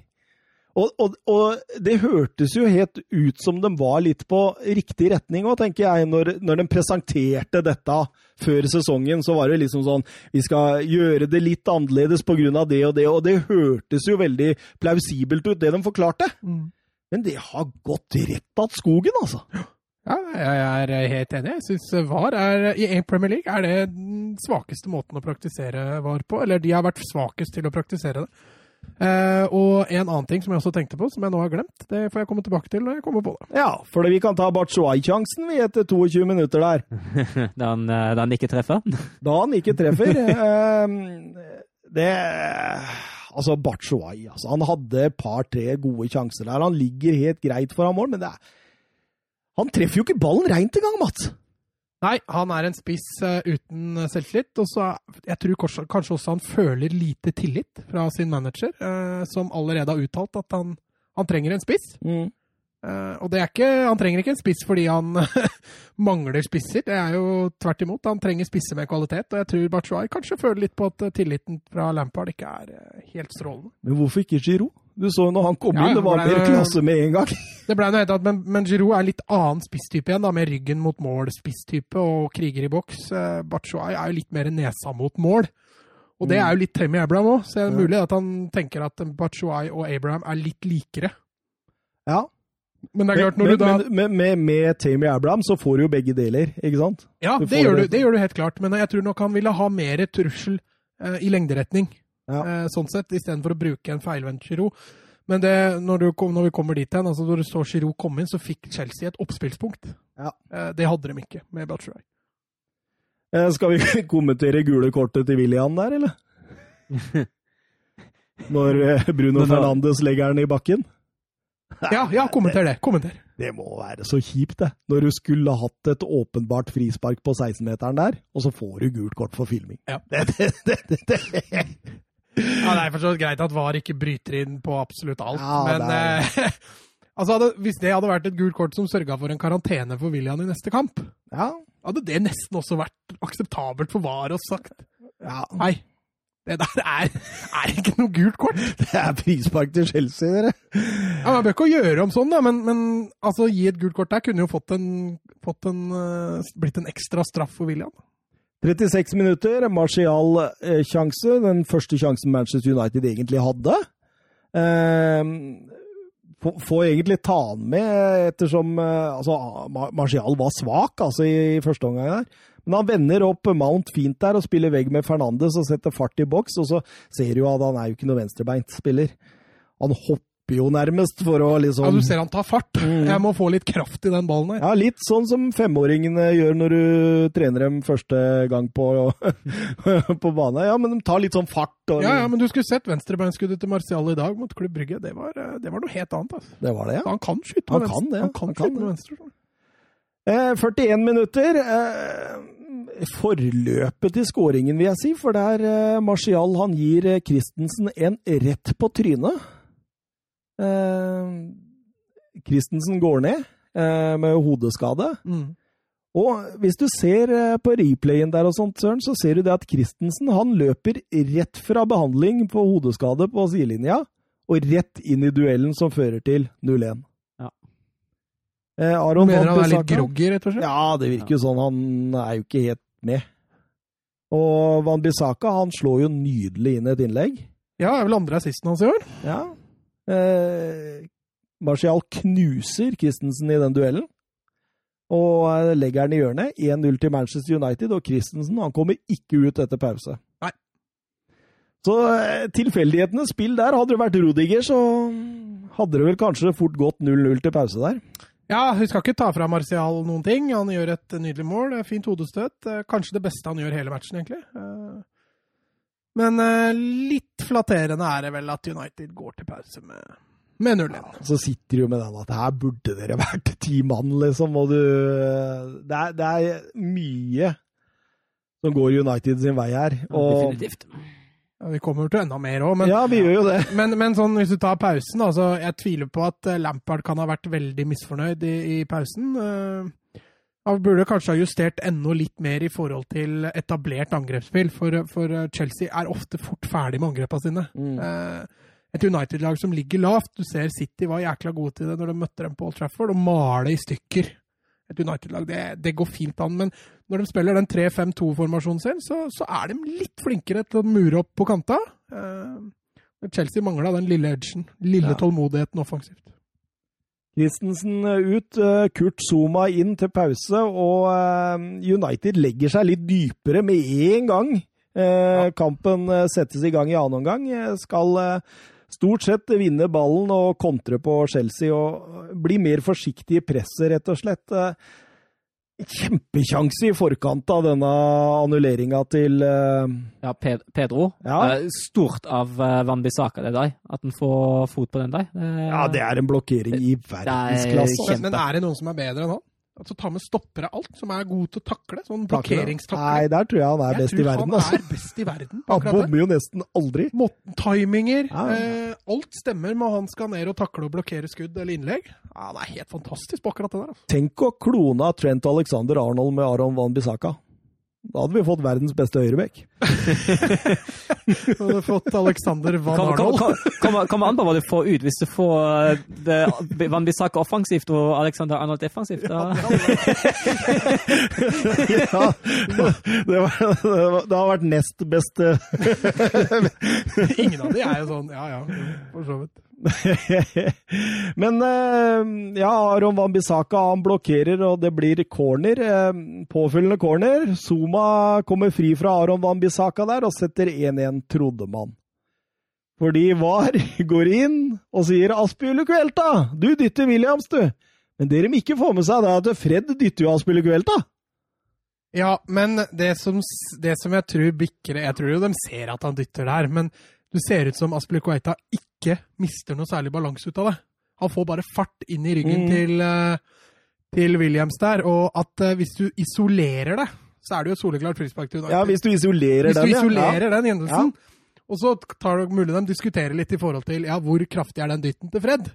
Men så er du da tilbake igjen på clear and obvious, alt det der. Og... Ja, fordi, for, fordi hvis du isolerer dytten til Fred, så ville den gått. Ja. Men hvis du isolerer dytten på William, så ville den ikke gått. Men, Det helt riktig. men, men kjedereaksjonen i dette Ja. er jo til slutt at Ja. det burde vært mål. Jeg Ja, og- konkluderte det også, at det, her er United heldige som får den. Og det er litt som det Mats sier med clear Oppvis. Jeg mener at hvis han blåser av med en gang, da, da er det helt greit. Da har han sett det, da har han bestemt seg for det, og da er det fair. Men uh, jeg føler at dette ikke har helt VAR-materiale. Er sånn den følelsen jeg sitter med. Jeg syns, jeg syns, altså, jeg syns det kan eh, Det kan, det Men, kan men dytten er jo hard. Jo, men Fra Fred?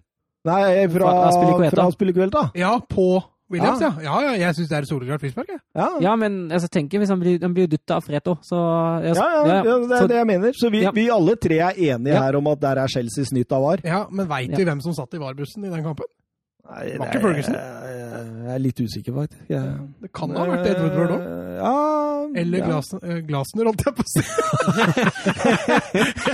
Ja, Wolfsburg-treneren satte seg i bussen på Troll- Trolle Premier League, ja. Glazer var det jeg skulle ha. Eh, 57 minutter. Burde Rudiger fått sitt andre gule der? Når han meier ned Martial med knottene der. Det er jo det som Altså, det skaper jo også en eh, Hvis dere veit hvor jeg er i kampen nå, Ja, ja, ja. Hvor, um, hvor Fred og Zuma får gult kort for krangling istedenfor at Rudiger får det. Altså, er ikke den litt i overkant hard? Jo, jeg syns det er helt greit at den passeres. Jeg beit meg ikke merke til at der burde Rudiger hatt sitt Nei, jeg, eh, jeg tenkte det, skjønner du, men, men da hadde det jo bare blitt enda verre, ikke sant? Ja, det har blitt litt sånn Barca Chelsea Ah. Champions League eh, i 2008. It's a disgrace! disgrace! It's a disgrace! det hadde det blitt eh, Det er jeg helt enig i. Men jeg syns den situasjonen der er litt funny når Fred står og beskytter Martial der, og Ja. gutta skal ha han opp. Ja, ja. Og så ender Fred opp med å få gult kort. Eh, Det er litt funny, faktisk. Merkelig hele Men, men, men så du måten Marcial ble liggende på? Det så jo ut som han var skutt. Ja. Det var litt funny. Eh, 63 minutter. Eh, Bruno Fernandes frispark i stolpen. Den sjekker vi av. Og i 65. minutt så kommer 0-2 Harry Maguire. Ja, det er Fernandes med corneren, og så knuser Maguire Rudiger i lufta der. Ja, det Altså, det, er et, det er det er et sperretrekk. sperretrekk der ja, som gjør at Rudiger egentlig aldri kommer ja, til greit nok. Men, Bailly og Maguire de kjørte jo den i hele matchen. Ja, ja. Eh, Det så ut som Bailly dekka opp Maguire, egentlig. nydelig satt. Ja. Nydelig Nydelig satt. Det er vel en scoring United-fansen har venta på nå siden august. Så. Ja, det- det- tenk det at det er faktisk en som kan legge dødballer nå.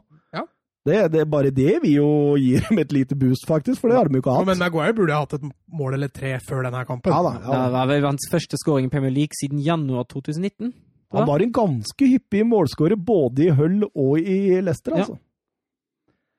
Tenk eh, Hull som rykka ned med Robertson på venstrebekk og Maguire som midtstopper. Mm. Eh, Chelsea gjør da et bytte, Mats. De setter eh, Giroud inn for Bachuay. Ja, da får de en litt annen dimensjon på, på topp. En eh, spiss som er eh, mye bedre feilvendt enn rettvendt. Eh, det gjør at Chelsea får et oppspillspunkt. og som gjør at en spiller som Mason Mount og Ross Barkley kommer vel- ikke han inn samtidig?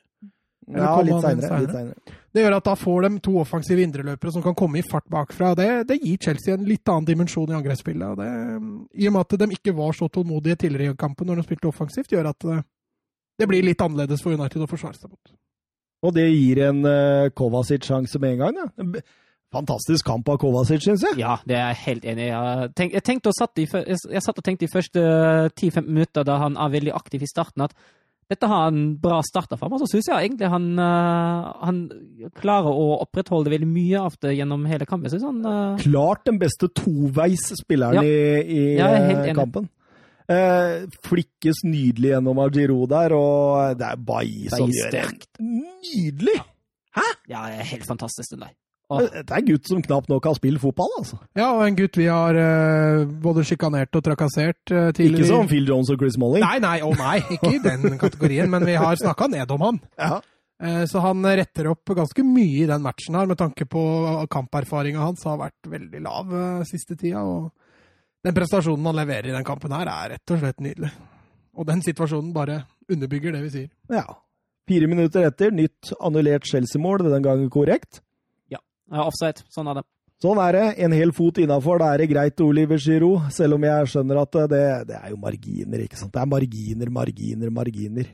Eh, United første bytte kommer da etter 79 minutter. Da tar ut James og setter inn Pereira. Eh, går over da til en 5-3-1-1-formasjon og skal sikre dette inn.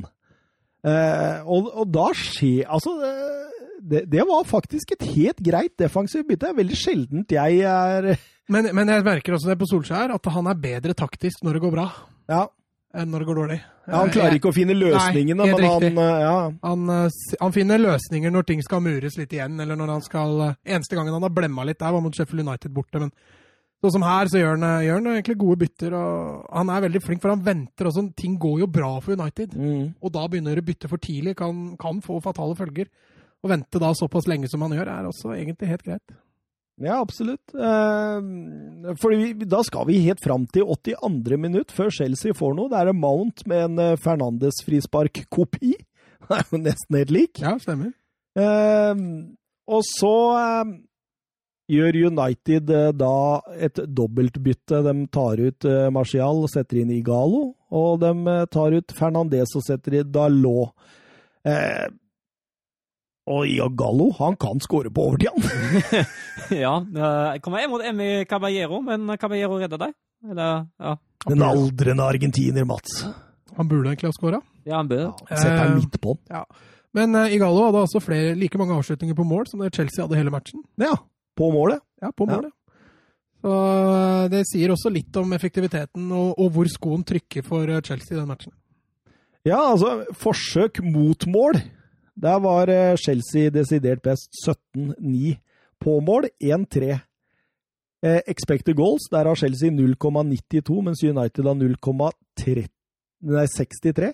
Og possession 61-39.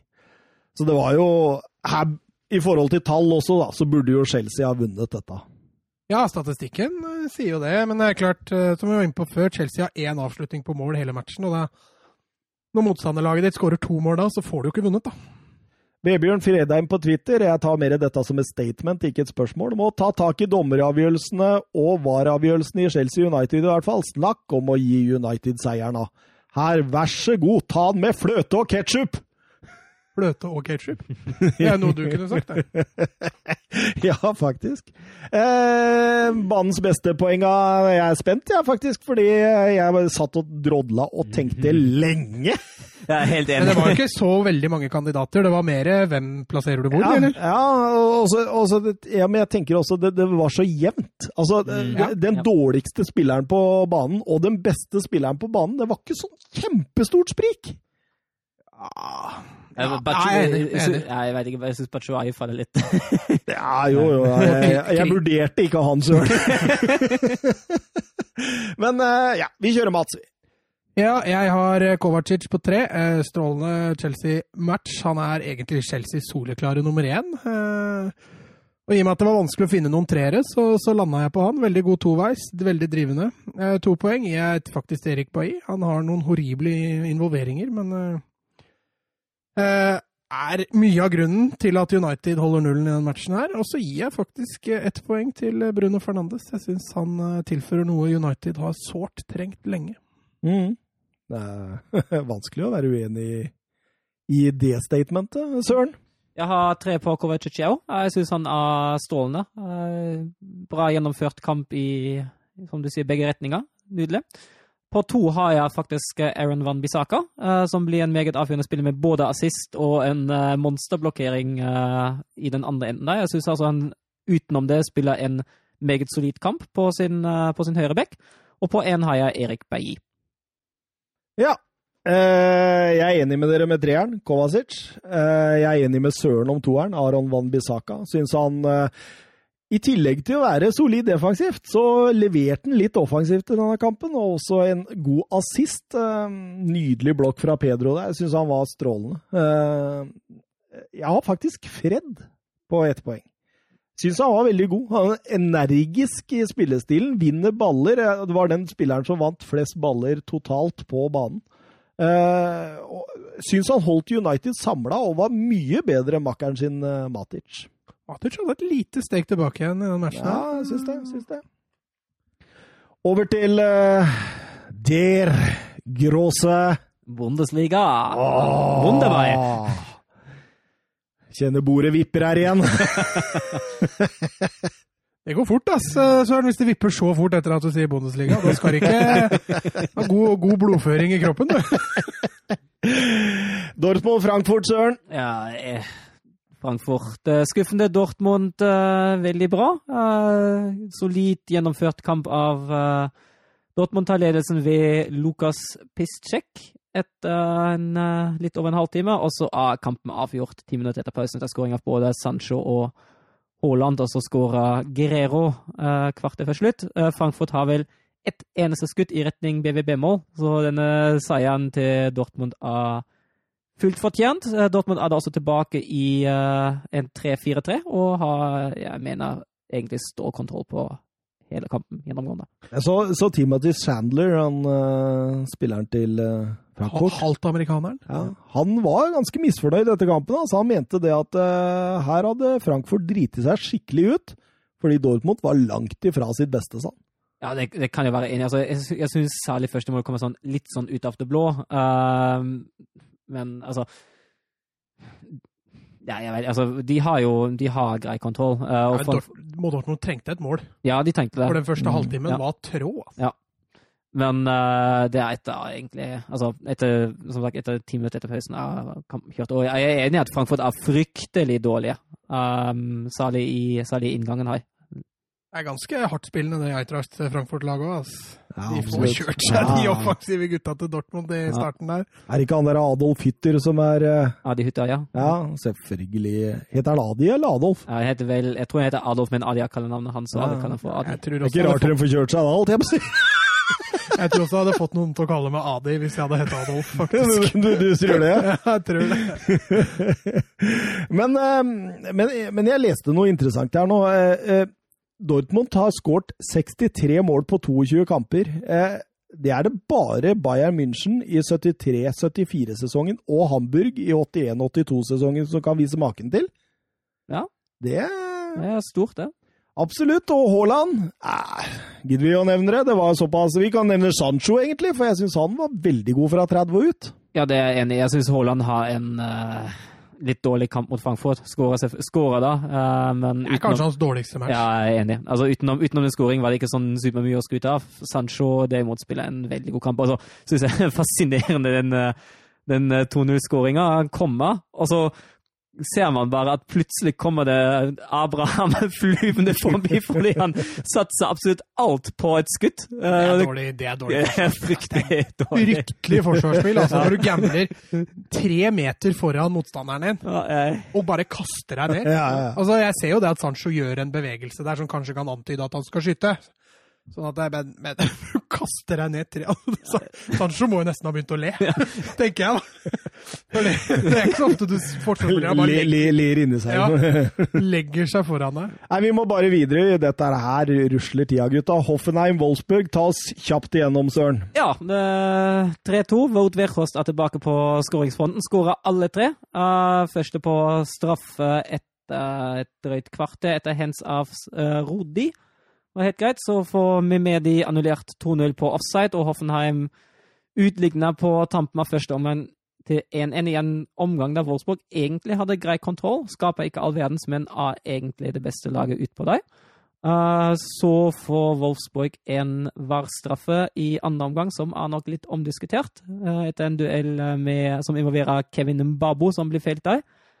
Eh, etter min mening ikke helt uh, VAR-materiale, det der. Hvis han peker på straffemerket med en gang, greit, men det da Det er så ut som en Babo gikk ned ja, først. han gjorde det. Og det er akkurat det. Altså, det jeg skjønner at man kan se den taklinga da, han er jo ikke på banen. Det er jo kontakt, han er ikke på banen, så det er helt greit. Men Babo er jo på vei ned i det taklingtreffet. Mm. Så derfor jeg tenker hvis dommeren peker på straffemerket med en gang, da er det helt greit. Men jeg føler ikke at dette har noe der VAR burde ha meldt seg. Men uh, Nei. har takka ja.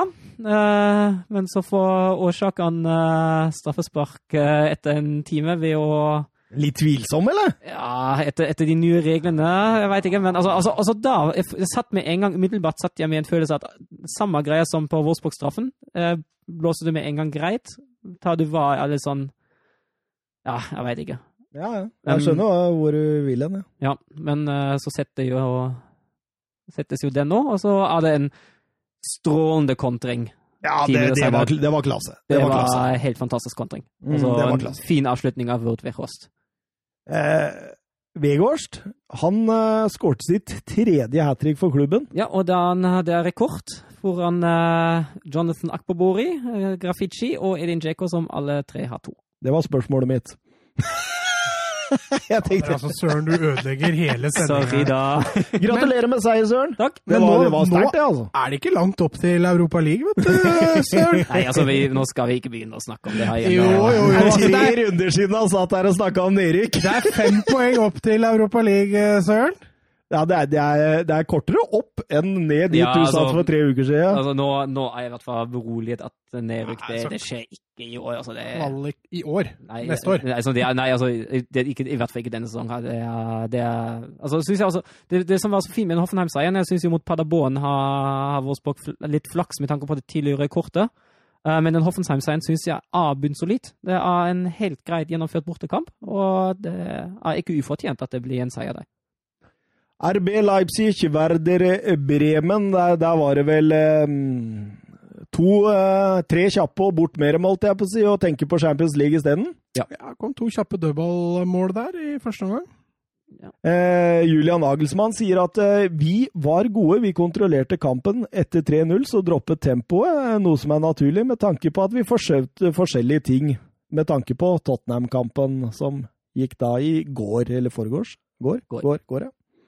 Eh, Werder Bremen jeg sliter litt nå. Åh, de ser fryktelig dårlige ut. Altså, jeg har hørt vel flere uttalelser fra spillere etter kamp som eh, sier at ja, ja, tapte. Det, det får så være. Altså, det, det, det, det, var nesten, dårlig greit. det, var, det var nesten i den retningen da. Altså, det var, Det er altså, ikke noen vinnerskaller der i det hele tatt. nei, og altså jeg har, gått, eh, har, gått, har blitt analysert nå flere ganger at Bremen de har ikke en tropp som har satt sammen til å være i nedrykksstrid.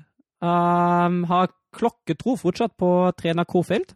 Uh, Du har det? Nei. Nei, men, men, men, men, det var det jeg tenkte på, for jeg leste noen uttalelser på bundesliga.com fra han Frank Baumann. Mm. Og er, han sier eh, tiden vil komme når Florian ikke er trener lenger i Werder Bremen, men det skjer ikke i løpet av de neste ukene. Vi eh, vil gjøre alt for at han, å hjelpe han ut av denne situasjonen. Eh, Spillere tror på han, og vi er overbeviste om, om at han kan redde plassen. Altså, Er ikke det litt tvetydig?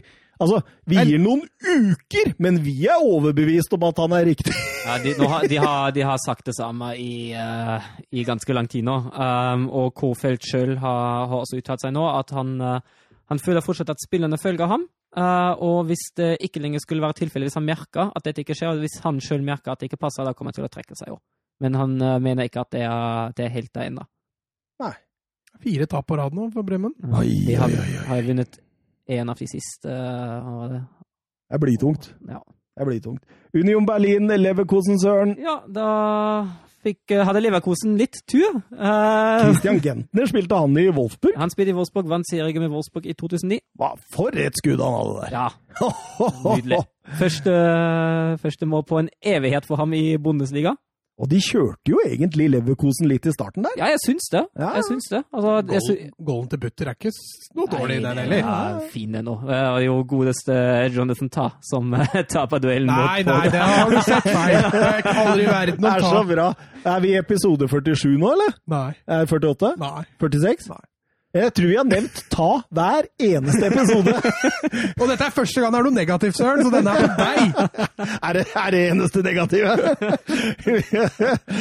Nei, jeg, jeg, jeg syns jo, altså synes jo Union Berlin gjennomfører særlig første omgang kjempebra. Mm. Skaper, skaper flere sjanser. Havertz-skåringen kommer litt ut av ingenting, eller egentlig veldig ut av ingenting, for å være helt ærlig. Ja, ja.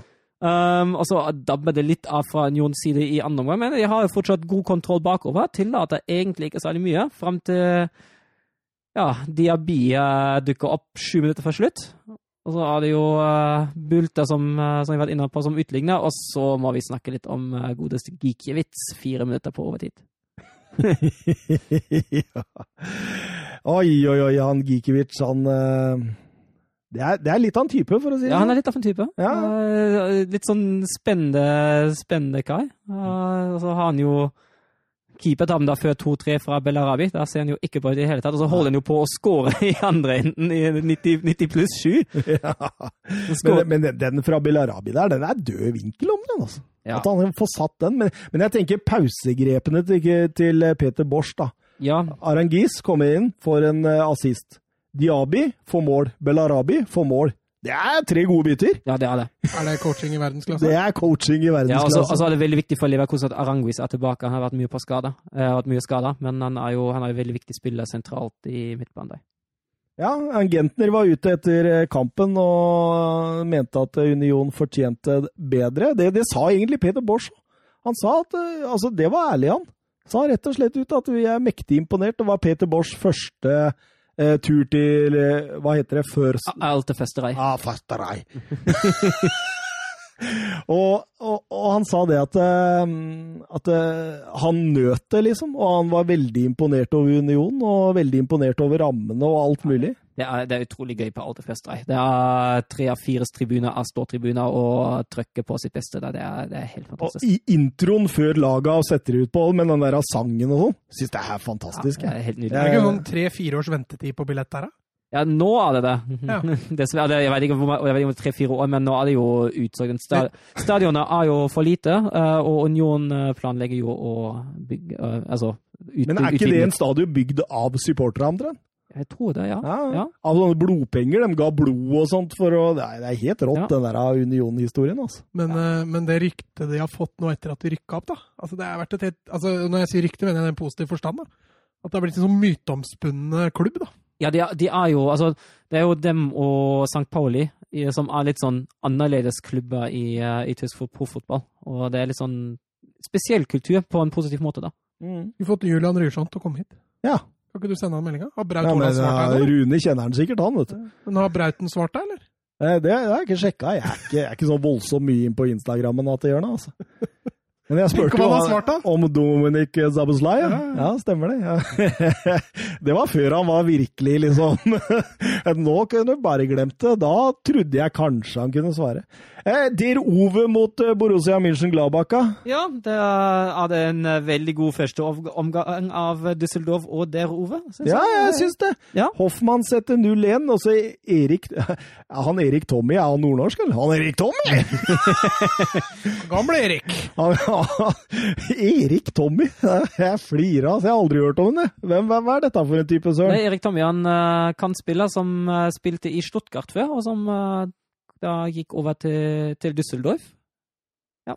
Kan spille litt sånn Ja, Men dette var Tyram-show, eller? ja han, han, var, han var god. Nå begynner Tyram. Han har vært litt down etter vinteren. Det har ikke Ja, vært jeg noe sånn fyrverkeri fra han. Så Nei. plutselig nå bare gønna han på igjen. Og så altså syns jeg Neuhaus var sterk her. Ja. eh, Florian Neuhaus var nydelig. Og, og Tyram sa jo også etter kampen at eh, hvis jeg var tysk landslagssjef, ville jeg tatt han med 100 ganger. Ja. Så, eh, Altså, altså spiller jo folk som Jonas Hector og Sebastian Rodi på landslaget, og så sitter Gåsens og Neuhaus hjemme og eh, Nei, vi, vi- skal ikke gå ned i den gata i dag, men eh, Jo, jo, fordi jeg fant ut at han er nederlandsk, vet du. ja, Gåsens, ja. Mm. Så må forte seg litt der, Løv, ellers så ender han fort opp under Ronald Comans uh, regime. Vinger. ja.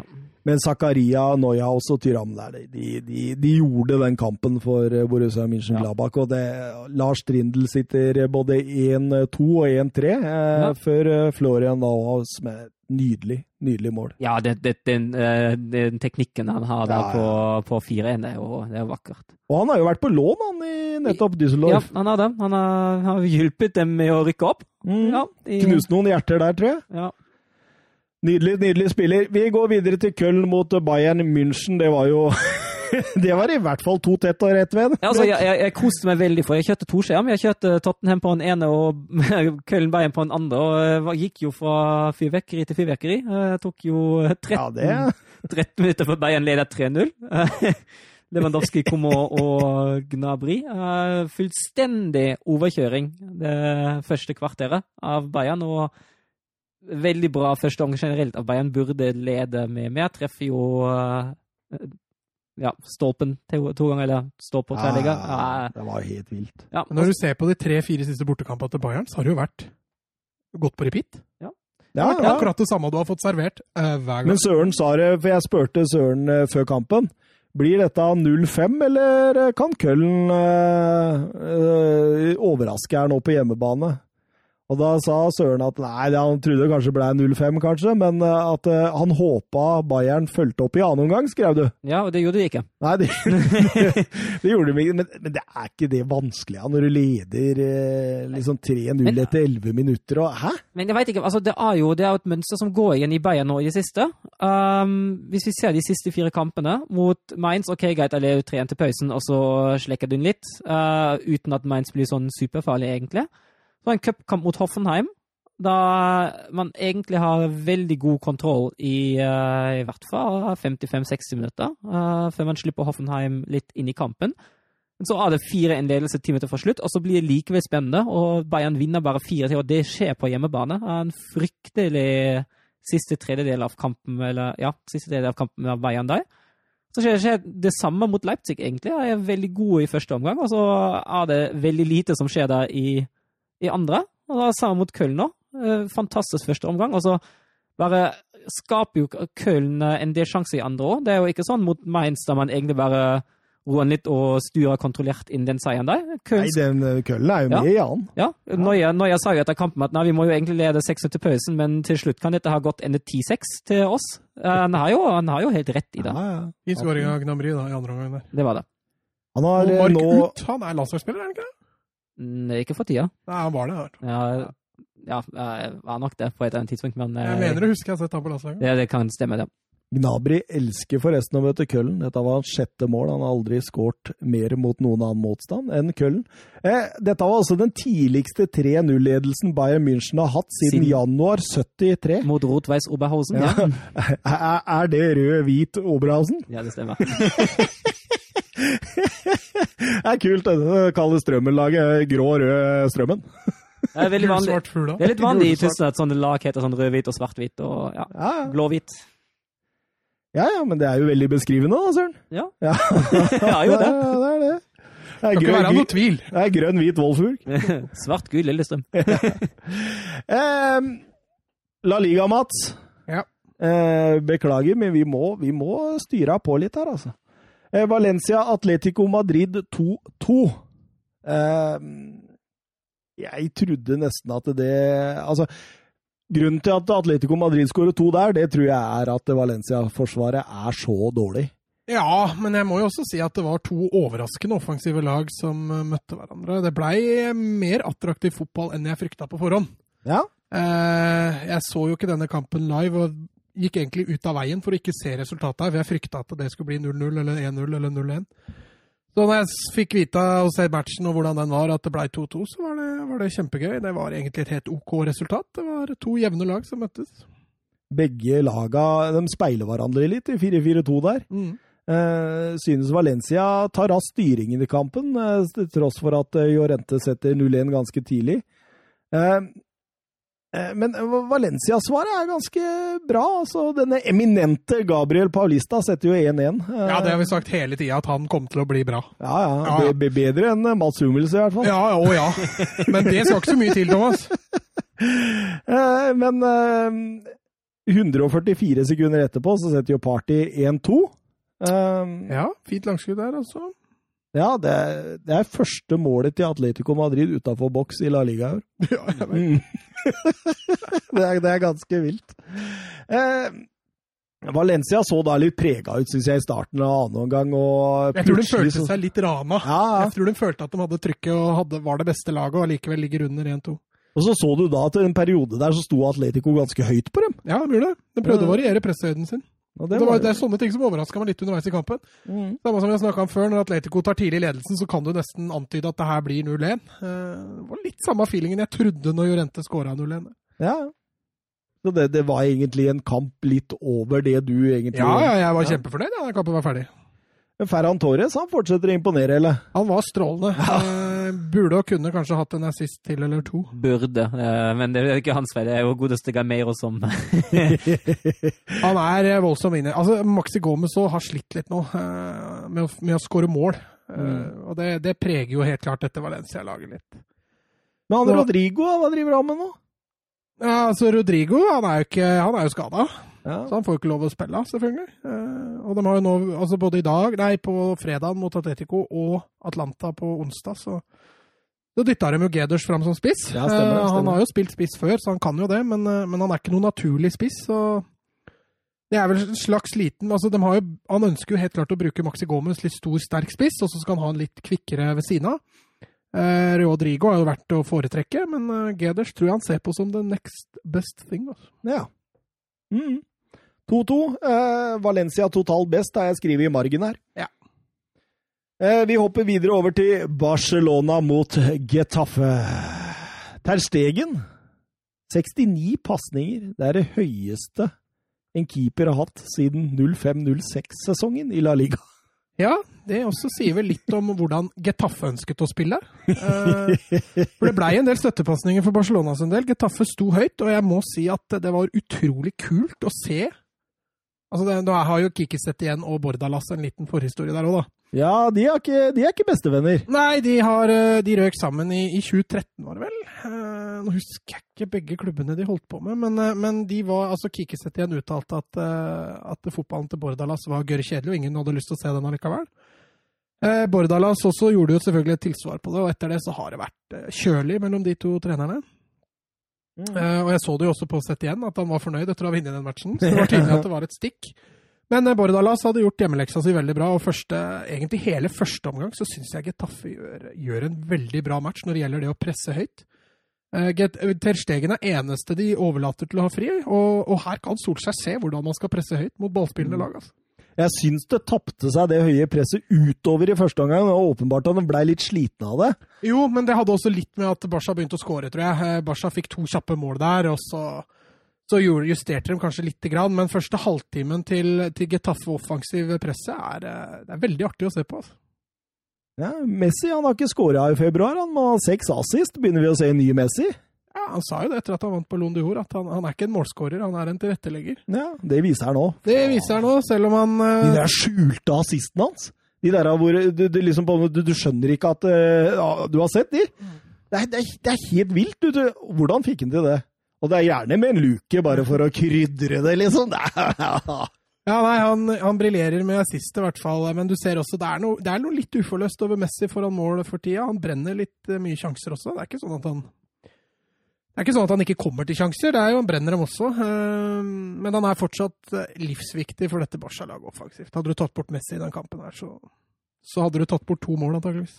Men Søren, kjør oss litt gjennom eh, målet til Getafe og Angel Rodriguez. Ja, det er jo eh, teknisk nydelig. Det er jo fint. Men han får jo også all plass i verden der. Ja, jo da, men Men, altså, det, men det er jo altså Hvordan han, tar, hvordan han, hvordan han setter den plassert med den teknikken, det er jo vakkert. Det jeg stussa på mest her, er at han jubler jo ikke, vet du. Nei, du tenkte at nå er han klar. Nå er han klar. og jeg tenkte fader òg, altså. Så er de lurra borti en sånn Men. Barcelona, det er seinere i uka, så drar de opp en ny kanin av hatten. Og de ryktes til den ene kålabben etter den andre, og så og når Angel ikke jubla på den deilige skåringa på kamp nå, da frykta jeg det verste. Men han er jo supersopp. Han har jo, eh, han har jo 15 innhopp i La Liga i denne sesongen. Åtte mål og to assist. Det er jo strålende tall. Han Absolutt, eh, Bordalas han sverger til, han der av Molina og, og Jaime Mata på topp. Ja, i dag så var det bare Haime Mata som fikk spille mot Ajax. Han Mm. kjørte ny, nyervervelsen Diverson som Å. spisspartner, faktisk. Heter han Diverson? Ja, brasilianer som har Å. kommet inn nå i Er han glad i å dive? Ja, han diver veldig. Og så er han glad i sånn etterpå, da. Så jævla dårlig! uh, nei da, så, men, men jeg tror også Angel hadde vært en OK korttidssignering, eh, med tanke på akkurat det du sier, at han er en supersub. Uh, men alder, spillestil ah, Ja, ja, passer jo ikke inn i Barcelona. Jørgen Nystuen han spør deg, han, Mats. Eh, han ønsker ditt synspunkt på Barcelonas spissjakt, eh, med, med flere sånne latter-emojis etterpå. Eh, nå vel et kokepunkt for idioti nå, eller? Ja, det er for så vidt helt riktig. Jeg, jeg veit ikke om jeg skal være bastant og si at de bare kåler, men, men jeg tror jo det at Braithwaite er litt i samme gata som Angel. At dette er en, er en decent signering i forhold til at det skal løse et problem nå. Men å kjøpe da 18 mill. euro for en spiller som ikke Altså ja, han har, han har bra arbeidsmoral. Sånn sett passer han inn i forhold til en David Lewis-erstatter. Men han er jo ikke i nærheten ferdighetsmessig. Han har jo ikke Barcelona-DNA. og- Syns han var strålende i championship. Altså, jeg husker at han, eh, han ble lenka til Wolfsburg for en, eh, for en stund tilbake. Og så ble jeg Og da ville du ikke ha han! ja, Det stemmer. Jeg var veldig glad han ikke kom. Ja, og når vi får Wolfsburg rejects, da skjønner man hvor lista til Barcelona Altså, jeg skjønner jo det at å kjøpe en spiller i februar, det er ikke lett. Eh, men, men altså, det, jeg savner litt Jeg sendte jo deg en melding òg, Thomas, med at eh, hvorfor ikke dyrke en akademispiller, da? Ja. Altså, Perez er leid ut til Roma. Eh, Abel Ruiz er leid ut til Braga. Så de har jo kvitta seg med de to beste offensive talentene, da. Eh, jeg skjønner jo at de er litt i trøbbel, men eh, i den situasjonen Barcelona havna i nå, de kan takke seg sjøl. Og nå sitter de der altså med en danske, så når Suárez og Dembélé er tilbake igjen, så er han altså sjettevalg. Ja. De har kjøpt et sjettevalg til 18 Mm. mill. euro. Ja, for han er klar, eller? ja, han er signert. Han er, eh, han er signert og klar, og Å, dette er gøy! Så Men han kommer til å få en del spilletid. I hvert fall nå i våres. Ja, det blir gøy å se, det. Det skal bli Ja, det skal bli spennende å se. En dansk kåle, en eh, gammel championship-spiller og Wolfsburg reject inn i Messi og, og Griezmann der. Og det er nesten sånn at vi skulle børsta støv av fotballskoa vi òg, så sett om Kiki ringte. ja. Men eh, du Mats, eh, ingen lag i topp fem-ligaene har siden 16-17-sesongen laget flere frispark i én enkel kamp enn det Getafe gjorde i denne kampen. ja, men det stemmer nok. De var eh, fryktelig aggressive. Jeg hørte en annen statistikk, men det har jeg ikke funnet noe kilde på. Men uh, hørte i hvert fall en statistikk at, han, at Getafe er det laget i topp fem-ligaen i Europa som denne sesongen lager som flest frispark. Det var det Ikke så veldig overraskende. Nei, ikke heller. Men, men, eh, men eh, allikevel, i den kampen der, hvis ikke jeg husker rett feil, så er det allikevel Barcelona som har flest gule kort. Ja. Så det er, det er røft og tøft spill, men det er noenlunde fair òg. Ja. Legger seg på en god linje, da, tenker jeg, i forhold til Ja, jeg satt jo ikke etterpå og tenkte at fy fader, det Getafe-laget her er ufine spillere. Sånn man ofte tenkte med Stoke i sin Ja. tid, husker jeg. Så nei, det er spennende. Nå så jeg også at Getafe vant jo 2-0 mot Ajax i Europaligaen i dag. Så spennende. Eh, Sevilla Español, eh, Mats, etter eh, 1-1 og 2-1-tap mot Alaves og Celta Vigo skulle eh, Sevilla hjem og snu kjerringa, som Jørn Janfall sa det i sin tid.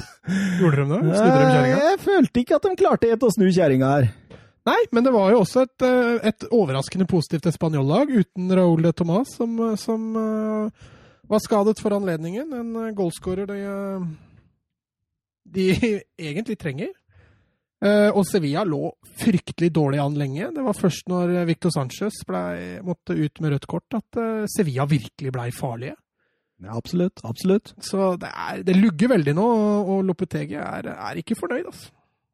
Nei, ja, det, det er et eller annet som lugger skikkelig der, ja. Det, du ser han, han driver og skifter mye formasjoner i løpet av kampen, og han var jo til slutt oppe i en sånn 3-4-3 der. Eh, Jo, og så er han jo vært Putta inn han derre Gudei, ja, som, han er jo egentlig midtbanespiller, er han ikke Ja, han er anker. Sto som stopper istedenfor Ja, men han kjørte den inn uh, som Kondé. tredje- Ja, kjørte han inn som tredje stopper. Ja. Men, eh, men eh, Nei, altså det er jo litt sånn som du sier, da. Så det er jo litt sånn prosjektering det han driver med nå. Altså Han tester ut litt. Eh, Sevilla som hadde tolv nye kjøp, som vi har vært innom 100 ganger, at det må, må spilles inn. Men med tanke på den starten de hadde, så er det litt overraskende at de, de sliter såpass mye nå. Både med spillet sitt, men selvfølgelig også med, med resultatene. Og kjenner vi Monchi rett, så blir det vel eh, tolv nye til sommeren.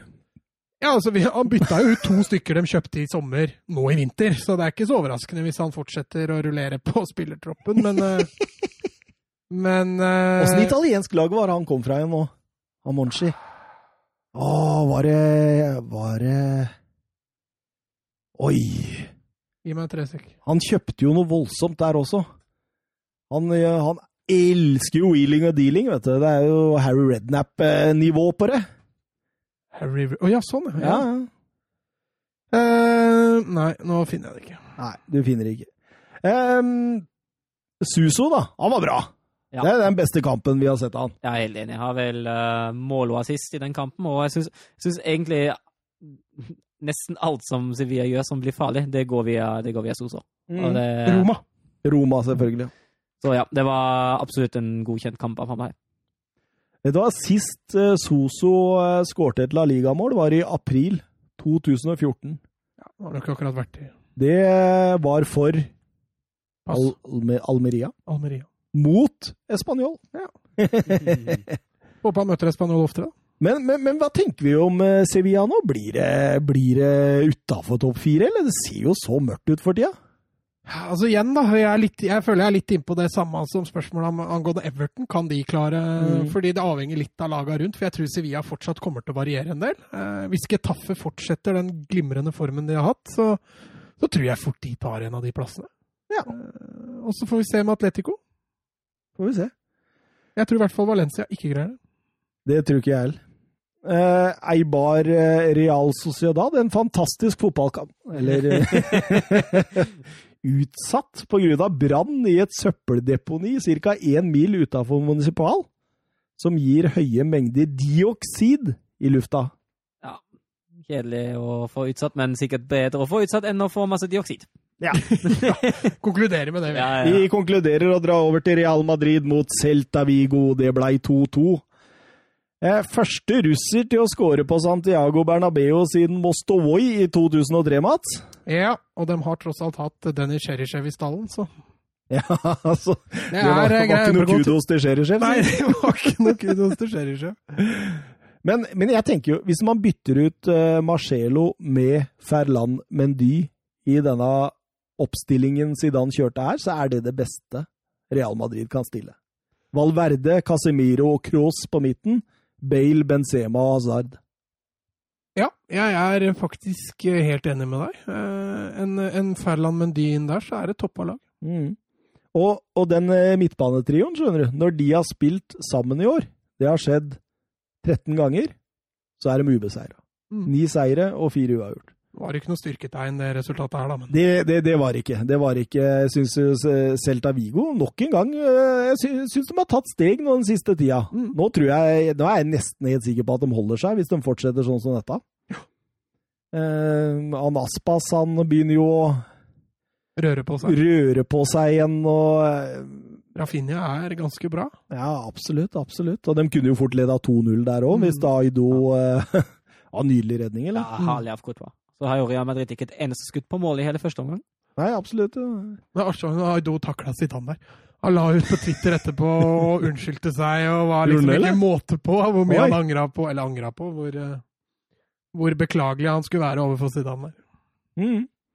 Men eh, til tross for Smolov sin eh, 1-0-ledelse, så eh, skårer Kroos og Sergio Ramos eh, to mål på sånn 12-13 minutter. Og Kroos liker veldig godt å spille mot eh, Celta Vigo. Han har til sammen skåra 14 mål i La Liga i sin karriere, og så har han skåra seks av de mot Celta. Det er ganske heftig. Det er ganske heftig. Ja, det er ganske heftig. Eh, Syns Hazard var veldig god så lenge kreftene holdt mål. Ja, det var ikke overraskende at han ble bytta ut. Eh, har jo ikke så altfor mange kamper i beina siste tida, så han trengte jo hvile. Og etter eh, 2-1-målet til eh, Ramos, straffesparket, så, så syns jeg det ser ut som Real Madrid har full, full, full kontroll. Ja. Og så dukker Dennis Suárez. Santimina opp på en pasning fra Dennis Suárez. Ja, det var eh, Men det var klassespill av, av Suárez, altså. Der er, Er Messi, Messi assist? Det var sånn jeg snakka om i ja, stad. ja. Ja. Det, er, det er pur klasse. Fint løp av Santiago der, som, eller Santimina, da, som han også heter. Eh, Løper inn bak på et diagonalt løp og, og times perfekt, og avslutningen er eh, strålende. Mm. Rafinha kanskje banens beste, eller? Ja, jeg, han var strålende i den han, kampen. ville, han altså. ville noe mer. Han ville noe mer. Han ville noe mer der. Han, han var i Barcelona-drakt, han i, i Derby. Han følte helt klassiko der, ja. Eh, Zidane han var meget fornøyd med at Hazard ork- orka 70. Han eh, skrøt av Gareth Bale og um, sier jo det at uh, han er så lei de som sier at uh, Marcelo uh, gjør Real Madrid svakere defensivt. Men vi, vi, som er, vi, som, vi som tenker det, vi får bare stå på vårt, vi, tror jeg. Ja, han gjør jo det. Ja. Mulig vi ikke kan fotball, da. Ja, det, det, det kan godt hende. Det, det, Vi sitter jo her, og Zidane sitter jo der nede. Så. ja. ja, ikke sant. Zidane skulle gjerne ønske han sitter her. Ja, det var her han skulle vært! Litt eh, italiensk fotball må vi jo også dra på oss. Atalanta mot Roma der. Eh, selve definisjonen på en sekspoengskamp, egentlig. Eh, Med seier her ville Atalanta få sekspoengs luke. Med tap ville de stå likt.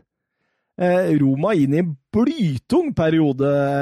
eh, Bedre liksom både med resultater og med skader. Fonseca gjør hele fem bytter fra forrige kamp.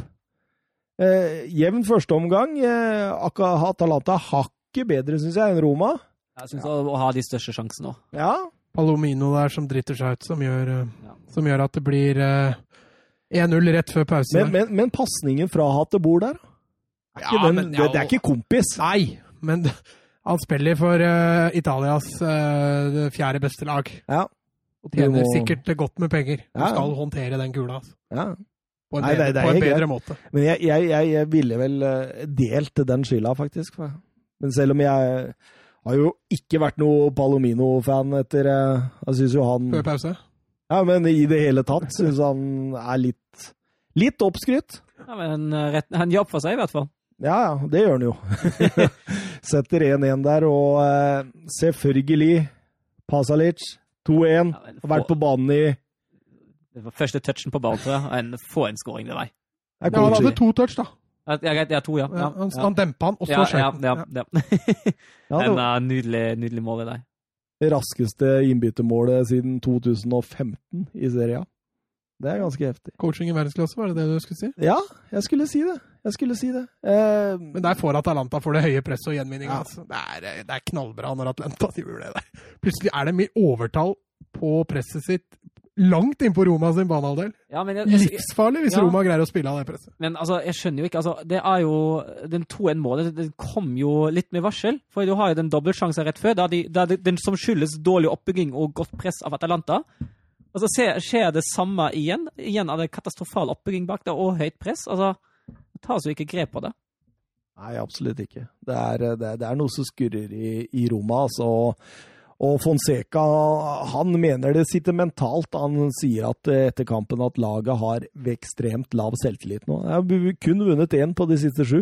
Ja, og det er nok litt riktig i det også. Det er ikke, det er, det ikke, du ser jo det når de spiller, og det er ikke et Roma-lag med masse selvtillit uh, utpå der. Og det er jo offensivt klustre, defensivt klustre, så det er, eh, det er trått. Ja, for Smalling han er ikke like god lenger. Nei, etter at vi burde aldri hylle han i det hele tatt. Nei, nei, det, nå er han tilbake i United. Uh, ja, nå er han Chris Smalling igjen. Ja. Han har slutta å være van Dijk. Juventus Brescia. Ja, Juventus. Dere Dere, dere, dere, dere karrer men det er så svak kamp, altså. Det var en fullt fortjent seier. Jo, jo, det men det er en svak kamp av Juventus. Ja, Si meg en god hest hopper ikke høyere enn det må. men eh, nei, jeg, jeg, er enig. altså Det var, det var ikke noe sånn supermye å, å skryte av. Altså. Jeg synes særlig fram, fram, til, fram til utvisningen syns jeg Brescia egentlig gjør det, gjør det ganske greit. Altså, det blir jo en fatal utvisning òg, på en ja. måte. Altså, ja. Juventus skårer på frispark. Også. Ja, altså, har de, altså, har jo de litt uflaks. Altså, tenk at førstekeeperen uh, Joronen er er ute med skade, og så har du andrekeeperen Alfons som du putter inn, og så skader han seg etter ti minutter, og så må du bruke Adenachi, som for så vidt egentlig syns jeg Jeg syns han var bra. Ja, jeg syns altså det. Det kunne fort ha blitt mye verre, det Da. Ja, jeg syns han spiller en bra kamp, ja. Men, men, jeg tenker også det Juventus er Liksom 11 mot 11 der, det er så dårlig, det. Det er så stygt at det, jeg, jeg, kan ikke se det minus Scudettoen. Jeg tror Men det, det, det, kan godt hende jeg ikke har rett òg, at det, det, blir Lazio, dette her, altså. Jeg, jeg, altså, det, det, må skje noe der. Altså, greit nok, den var uten Ronaldo. Det, det betyr Kilini kom tilbake igjen nå, da. Ja, ja, men det Og han fillerister de gutta der når de ikke gjør jobben sin. det er jeg ikke det minste redd for. Er ikke det ganske rask tilbakekomst etter en sånn skade? For en, eh, er han 36 år nå, eller noe? Jo, han vil jo veldig gjerne, da. ja, han vil veldig gjerne. Dybala, nydelig eh, frispark der. Ja, han burde hatt et par kasser til, og han var jo aleine med keeper to ganger, hvor han både keeper redder og skyter noe litt tverrleggeren en gang der også. Men eh, annen omgang der, det blir jo spill mot ett mål, ikke sant. De ligger jo dypt i 4-1 der. Én mann mindre og trekeeperen på banen, og Tonali spiller ikke, og Balotelli har gått sur, og det, det, det var Det var godt gjort egentlig bare å tape 2-0. ja, det, det, var jo nesten det. Eh, fint mål av Cuadrado, da. bra gjort av Matodi på for, forkant der. Eh, ja, den hælsparket der, ja. Ja, ja. ja. Det var strålende. Jeg har aldri sett Matuidi gjøre sånt, jeg. Nei, det er mulig han holdt på trynet der, da. At han måtte ta seg for, og så traff han hælen. Det kan godt hende det bare er flaks og tilfeldig, hele greia. Cagliari Napoli 0-1. Dris Mertens eh, eneste målskårer, gutta. Ja. ja. Han liker å spille mot, uh, akkurat som Kroos liker, liker Sette Viggo liker jo Mertens uh, Cagliari. Han har skåra ti mål i åtte kamper mot Cagliari. Og jeg var jo inne også på at Gnabri liker Køllen, så dette ja, er noe um, som går igjen her. Ja, i hvert fall denne sendinga, ja. Ja, ja, ja. Um, Rolando Maron ute i det såkalte, eller det, det, det vante juletreet, 4-3-2-1, som han alltid kjører. Uh, uten Angolan, som var suspendert. Uh, det så du faktisk på dette laget, altså. Uh, Gattuso 4-3-3. Ingen hadde Hva er det, det der med det Kobali? Kolobali. Er han skada igjen nå, eller? Ja. Det, det, var det for tidlig tilbake? Kan se sånn ut. Ja, det... Diego Demme begynner å komme seg, da. Ja, han var bra. Ja, han, var bra. bra. Men jeg gleda meg også til å se han Luca Pellegrini ja, da, på venstrebekken til, eh, til eh, Cagliari. Han eh, godeste Juventus-utlånet. Ja. Synes, han kom fra, bra fra det, altså, men Cagliari gjør en dårlig match her, altså. Altså, Napoli er ikke noe sånn fryktelig gode, de heller. Det var ikke noe superkamp, dette. Vet jo et lag i krise, Cagliari vil nå ti kamper uten seier i serien, så det er, ja, det er mm. ikke mye som passer for tida der. Dette var faktisk Dris Merten sitt 120. Napoli-mål. Andreplass totalt, da? Ja, det er, det er bare ett mål bak Hamsik sin klubbrekord. Mm. Så det Håper han tar den før han drar derfra til sommeren. Da. Ja, må jeg gjøre det. Men eh, jeg, jeg, fant en sånn litt sånn fun statistikk. Den her er jeg ganske sikker på at dere ikke har funnet, for den her er litt morsom. Elmas er kun den andre spilleren i Serie A's historie som spiller i en by hvor navnet på flyplassen heter det samme som han. Air, Airporto Cagliari Elmas. Den første var eh, Marino Palese i, i Bari mot Lecce i 1985. Jo, det stemmer det. Den statistikken har jeg sett. Ja, det, Det var eh, du har fått med deg den, ja! Eh, Gattuso, han eh, sier Han hviler ikke. Han sier etter kampen at du, vet du hva? Vi må ikke stole på disse gode resultatene nå. Eh, gutta ba om en dag fri. Jeg sa nei, ikke i Ja, vi skal Åssen gikk det med han som kom og spurte om det? jeg Er, lever han ennå, eller? ja, det, det spørs, det. Men, men, men tenk han der, han der godeste eh, eieren. Hva er han heter igjen? Åh, nå er det godt. Loren... Nei, Floren... Nei. Lorenzo. Nei. Nei, men uansett det. Han som nekta gutta eh, noe som helst etter dem nekta Retiroen og det greiene nei. der. Og så får du Gattuso også. De lever i et regime, de gutta der nå, tror jeg. Ja. Par av dem ser fram til sommeren, tror jeg. Diego Dem tenker bare hva, hva, hva, er dette for noe? Hva, hva, er, dette? Men eh, det går nå oppover med den, da. Ja, jeg stilte jo spørsmålet litt tilbake. Men det var en ny alder i Napoli nå med Gattuso. Han har jaggu greid å snu det lite grann, altså. Han der, der, han eh, Men det er vel bare snakk om tid Før det rakner igjen. før det rakner igjen. Lazio Inter 2-1, som vi egentlig spådde. Det var en artig kamp. Veldig. Det var en veldig morsom kamp. Og når Ashley Young setter 1-0 der, da tenker du nå flyr det griser og sånt utafor. Altså fordi... Men Ashley Young er faktisk en god fotballspiller i Inter. Han er det. Ja, I hvert fall første omgangen, så var han veldig bra. Eh, Lazio eh, Nei, det, altså, det er jo en jevnspilt fotballkamp. Ja, Første omgang syns jeg er veldig jevn. Eh, Andre omgang syns jeg Lazio er hakket hvassere. Ja, men det kommer av at Inter blir mer passive pga. denne 1-0-ledelsen sin. Jo, jo, nettopp. Og Mm. derfor syns jeg Lazio er hakket bedre eh, i andre omgang. Og Lazio har en midtbane som briljerer vanvittig, altså. Eh, Ja. Jeg syns de to indreløperne deres er helt fantastiske. Ja, SMS og han var banens beste. Ja, Milenkovic Savic. Ja. Og når han begynner å trikse der og drar dem over spilleren og løper rundt og bare koser seg på 2-1 der og Og det skuddet hans på 0-0 etter ni Ja, minutter! herregud. I tverrligaen, der. Boom! Og den duppen. Ja, fantastisk. Og Luis Alberto, da, som er den playmakeren og, og styrer mye av tempoet til Lazio. Det er, eh, det er strålende. Fikk et Twitter-spørsmål fra Sander Midtstuen. Eh, Var det ikke straffesparket i mobilen noe billig? Eller er det noe der jeg ikke ser?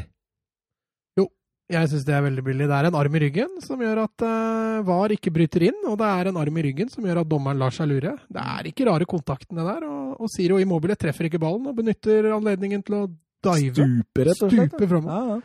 Jeg syns den straffa er veldig billig, men, eh, men var Da VAR Olympiako eh, i kok, da. Ja. Når gamle helten deres, De Frey, lagde straffespark. Ja. Du hørte bare Det kom hjem til deg, den lyden, altså. Det var like glad for det som at laget fikk straffa. Det var han som lagde den straffa, det betydde veldig mye ekstra. Rangerer dere SMS eh, i ypperste verdensklasse? Og, eh, ypperste er, eh, er eh, Messi og co., liksom? Eh, Ja, det er i hvert fall Jeg tenker i forhold til andre midtbanespillere. La, la, la, si for eksempel De Bruyne? Ja. Han er ikke helt De Bruyne, men han er jaggu ikke langt unna. Så det han har prestert i år Men nå, ikke, nå skal vi ikke tilbake så lang tid, da, for Lazio-fansen ville jo ha han ut av klubben, for Ja. han var så dårlig. Og da er jo tilbake til det evige spørsmålet, da, hvor lenge skal du prestere bra før du Men denne sesongen har han vært Han har vært blant verdens beste midtbanespillere denne sesongen. Og så spør eh, Sander videre blir det Lazio nå som tar dette. Ser jo bedre ut enn både Inter og Juve. Ja, Det gjør de. Det De er helt riktig.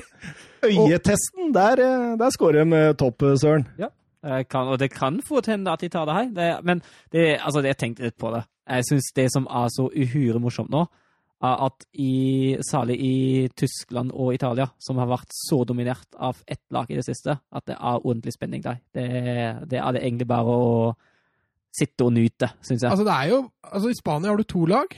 I Tyskland nå har du tre. Ja. Eh, ja, kanskje fire òg. Gladbach er jo ikke Jeg er ikke Ja. borte, jeg tror ikke de har sjans i det lange løpet, men nei, de er ikke borti i det. er- altså Vinner de hengekampen sin, så er de jo A-poeng med, med Ja. Leipzig.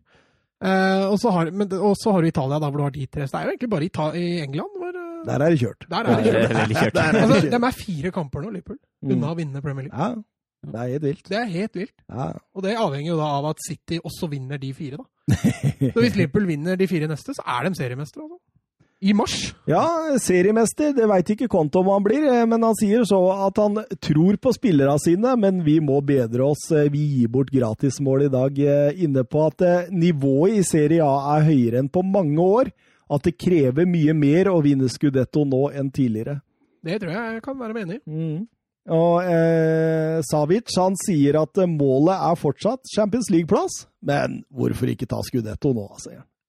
Ja, og Champions League-plass er jo nå så å si check. Eh, Det er jo blitt eh, 15 poeng, nei mer enn det jo. Det er vel og borti 17-18 poeng ned til Roma for Lazio nå, så det begynner å bli ganske don, men eh, jeg er helt enig. Nå er de jo ett poeng bak Juve. Eh, Det er 14 kamper igjen av sesongen.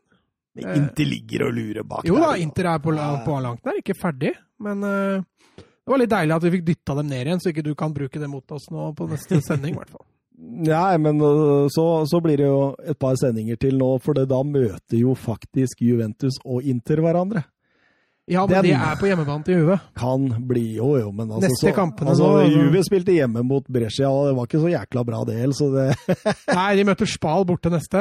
eh, Juventus, Ja, men de er jo, de er jo nede i nedrykksstriden har litt å kjempe for, de! Inter har Sampdoria hjemme, ser jeg. Eh, Lazio har eh, Genoa borte. Men Det tre, tre seire. det som er med Lazio, er det at du så nå etter vinterpausen, hvor da de mangla Luis Alberto, Lucas Leiva og Sergio Milenkovic-Savic, da sliter de vanvittig mye mer. De grinda ut en uavgjort og noen seire der. Skulle en eller to da, i verste fall, av de gutta bli borte et par kamper, Mm. da kan Lazio fort være hekta igjen. Så jeg tror de er veldig avhengig av de tre gutta. Og det er nydelig mål SMS setter der på 2-1 også. Ja, ja, absolutt. Han, han har kylan, som man sier i Sverige der. Mm. Det er nydelig, altså. Eh, litt om Milan-Torino òg. Ante Rebic, han Ja, Hyggelig at han er i gang. Femte mål i 2020. ja, Det er helt vilt. Ja. Han, han, han var helt borte på forsesongen. Ja, alle alle snakker om Zlatan, men det er Rebic som, eh, som virkelig hadde det nesten, nesten som en nysignering å regne. Han eh, var jo, som du sier, forferdelig hele, hele høstsesongen. Mm. Og nå er de bare fire poeng bak Roma. Altså. Ja. Pioli varierer voldsomt i formasjonene sine òg. Nå var han tilbake i en to- en 4-2-3 igjen. Eh, med Zlatan alene på topp. Og så Jeg syns jo også han spanjolen der, han Castillejo, han var bra. Han er Ja, fin, han. Han var bra. Han er veldig bra. Eh, Milan kunne jo ha skåret flere. De var jo det klart beste Burde laget. ha skåret flere, sier Ja, ja. Store sjanser til Zlatan, og Bonaventura hadde vel en der. Og. Berenguer burde ha skåret der for Torino i starten òg. Mm, ja, 45 minutter ja, ja, burde ha det vært for så vidt greit. Eh, Kjær ut med skade ble debut, debut for Gabbia. Matteo Gabbia. Eh, det var noen rykter i italienske medier om at eh, Muscaccio nekta å bytte inn. At han var skuffa over å bli satt på benken. Eh, men Pioli tona det ned etter og sa at eh, han informerte da, når de skulle gjøre det byttet, om at han hadde en liten skade. Så tenker jeg, det er ikke det litt rart? Jo, den er tynn. Den er fryktelig tynn. Pioli burde jo vite det når han sitter på benken, liksom. Ja, hvis det er nok til å ikke være Ja, ja, det, skaden skjedde Hvilket minutt var den skjedde igjen? Det var jo forholdsvis tidlig. Ja, det Det var ganske tidlig, ja. det er mulig han tenkte da at det blir lenge å spille med en liten skade. Det kan godt hende, men eh, nei, jeg syns den er tynn. Altså. Ukas talent, gutter. Ukas talent. Ja. Eh, Skal jeg begynne, eller? Ja, kjør på. Ja. Jeg har uh, denne såkalte sensasjonen Hannibal Mabry, eller Side, Sideshow Bob, som jeg Ja, er et par av de bildene på Google. Google han, så ser du Sideshow Bob, altså i The Simpsons. han er født eh, 21.01.2003, så i Paris. Altså 17 år. Klubb Manchester United. Posisjon midtbane. Han er født i Paris av tunisiske foreldre, blei en del av Monaco-systemet i august 2018. Og etter å ha spilt noen år i barnefotball og ungdomsåra i Paris FC og eh, et eller annet lag som jeg nesten ikke våger å, å AC Boulogne Milan Kort. Jeg veit ikke, jeg er ikke noe fransk uh, geni. Nei, ikke jeg heller. Jeg det, du er Ikke ikke jeg heller. På ingen måte noe fransk geni, faktisk. Men det sies at Monaco betalte over 1 million euro for å få han når han var 17, nei, 14 år gammel, og at eh, Liverpool også var ekstremt close på han. Da hadde han allerede signert en avtale med Adidas som 13-åring. Eh, hans, far, hans far Lofti altså, var også profesjonell spiller på Tunisia. Han har fortalt uh, at eh, klubber, agenter og speidere har jakta han siden han var ni år. Men at de hele tida bare avfeid alle tilbud. Faren følger han opp ekstremt nært. Og forteller om en svært intelligent gutt som kunne blitt både lege og advokat om, om fotballen ikke fungerte for han debuterte for Monacos A-lag sist sesong, eh, men noe skjedde mellom Mabry og, Monaco. Eh, franske aviser eh, har noen uttalelser fra faren som sier at alvorlige ting skjedde. For vår familie var det vanskelig å leve med. Et skikkelig sjokk. Det ble begått et stort overgrep og brudd i tillit mellom klubb og vår familie. Så Det går jo an å spekulere hva som skjedde der. Jorge Mendes han er inne i bildet her. Han, han solgte den til Manchester United sist sesong. Overgangssum på overkant av 10 millioner euro. Eh, da var allerede lag som Arsenal, Paris Saint-Germain, Liverpool, Tottenham, Bayern München klar med sjekkhefte, men eh, det var United som, eh, som tok den litt under radaren, rett og slett. Litt under radaren også på sommerkjøpene Maguire, Bambisaka og James. Eh, ekstremt energisk, løpesterk og kreativ spiller. Eh, svært god på små flater. Teknisk glimrende. Magiske pasninger og en god fot. Veldig god høyrefot, forresten. Eh, elsker å diktere spillet, er alltid med og henter og driver det offensive, på en måte. Er nå under vingene til Nikki Butt på United sin ungdomsavdeling. Har imponert såpass mye at han får U23-kamper. Og, og, og, veien kan være kortere til A-laget enn vi faktisk aner. Altså, det er derfor jeg valgte å ta han med nå. Eh, han har sagt at målet hans er å spille på, seg inn på A-laget til Manchester United i løpet av to år. Nicky Butt har antydet at han må utvikle seg fysisk før det skjer. Har aldersbestemte landskamper for Frankrike, men eh, har dobbelt statsborgerskap, så muligheten for Tunisia ligger der. Spennende. Ja, det er en spennende type. Søren? Ja, jeg har Anthony Mateos dos Santos, eller kort Anthony. Uh, født 24.2.2000, så han er noen dager under 20-årsdagen. Han er en kant, fortrinnsvis høyre, men kan også spille venstre. Og akkurat nå spiller han i FC Sao Paulo. Han kom til Sao Paulos ungdomslag i 2000. Han ble en del av eh, A-laget i 2018, og han fikk sin debut 15.11.2018 for A-laget, og fikk da til sammen tre kamper i den brasilianske Serie A i denne sesongen. Han uh, fikk sitt endelige gjennombrudd i Brasil uh, i 2019-sesongen. Der spilte han 29 kamper, skåra fire mål og hadde seks assist i Serie A. Uh, og så er han en del av Brasils U23-laget, og da har han spilt ni kamper med to mål så langt. Så har nå brasilianske og nederlandske medier meldt at Ajax har kjøpt ham på en eh, basissum på 25 millioner euro, som kan øke til i underkant av 29 millioner euro uh, med boni og sånt. Og hvis dette stemmer, som alt tyder på at det gjør, uh, vil dette gjøre ham til den dyreste spilleren som noensinne har blitt kjøpt av en nederlandsk klubb. Ja, det var du inne på i bilen. Ja, og ja. det er det én som ikke er fornøyd. Det er godeste Marco van Basten. Han sier Ajax slår seg i brystet og sier at de er så gode på ungdomsutvikling. Og Hvis man påstår at ungdomsutviklingen er så veldig bra, så er det latterlig å bruke så mye penger på en brasilianer. Han hadde heller ønsket seg eh, en eller to erfarne spillere som skal da lede det unge laget. Men det går jo an å være gode på ungdomsutvikling og samtidig kjøpe et par spillere? Det akkurat jeg, Altså, jeg, syns, den kritikken er litt, uh, er litt merkelig. Altså, er det, jo, det er jo alltid litt sånn med brasilianere, man vet jo aldri hvordan det blir når de kommer til Europa. Uh, det er jo litt sånn uh, innimellom litt risikosport, men jeg er veldig spent på, på ham i, i Europa. Um, er litt sånn Nesten sånn uh, stereotyp på brasiliansk kantspiller. Han har god fart, er teknisk uh, sterk, uh, sterk, i driblingen. Altså god til å Eller kjapp til å ta gode avgjørelser, og så tar han uh, slår han gode, gode og smarte pasninger og innlegg. det han må jobbe med, er at han akkurat nå er veldig høyrebeint. Så ja, det er en helt klar sterk fot. Men, Høres eh, litt ut som disse Real Madrid-kantene. Ja, Kunne jeg, vært i Real Madrid. ja. jeg, gleder, jeg, gleder, meg til å se inn i Europa. Jeg tror dette blir, blir veldig spennende. Kult. Kult, kult. Matt? Ja, jeg har valgt meg en afrikaner. Eh, Snubla over noen, eh, noen kommentarer og videoer av han på Twitter. Eh, etter å ha sett litt nærmere på han, så så jeg det kjapt at det var eh, det var noe veldig spennende ved han. Eh, Navnet er Papé Matar Sarr eh, fra Senegal.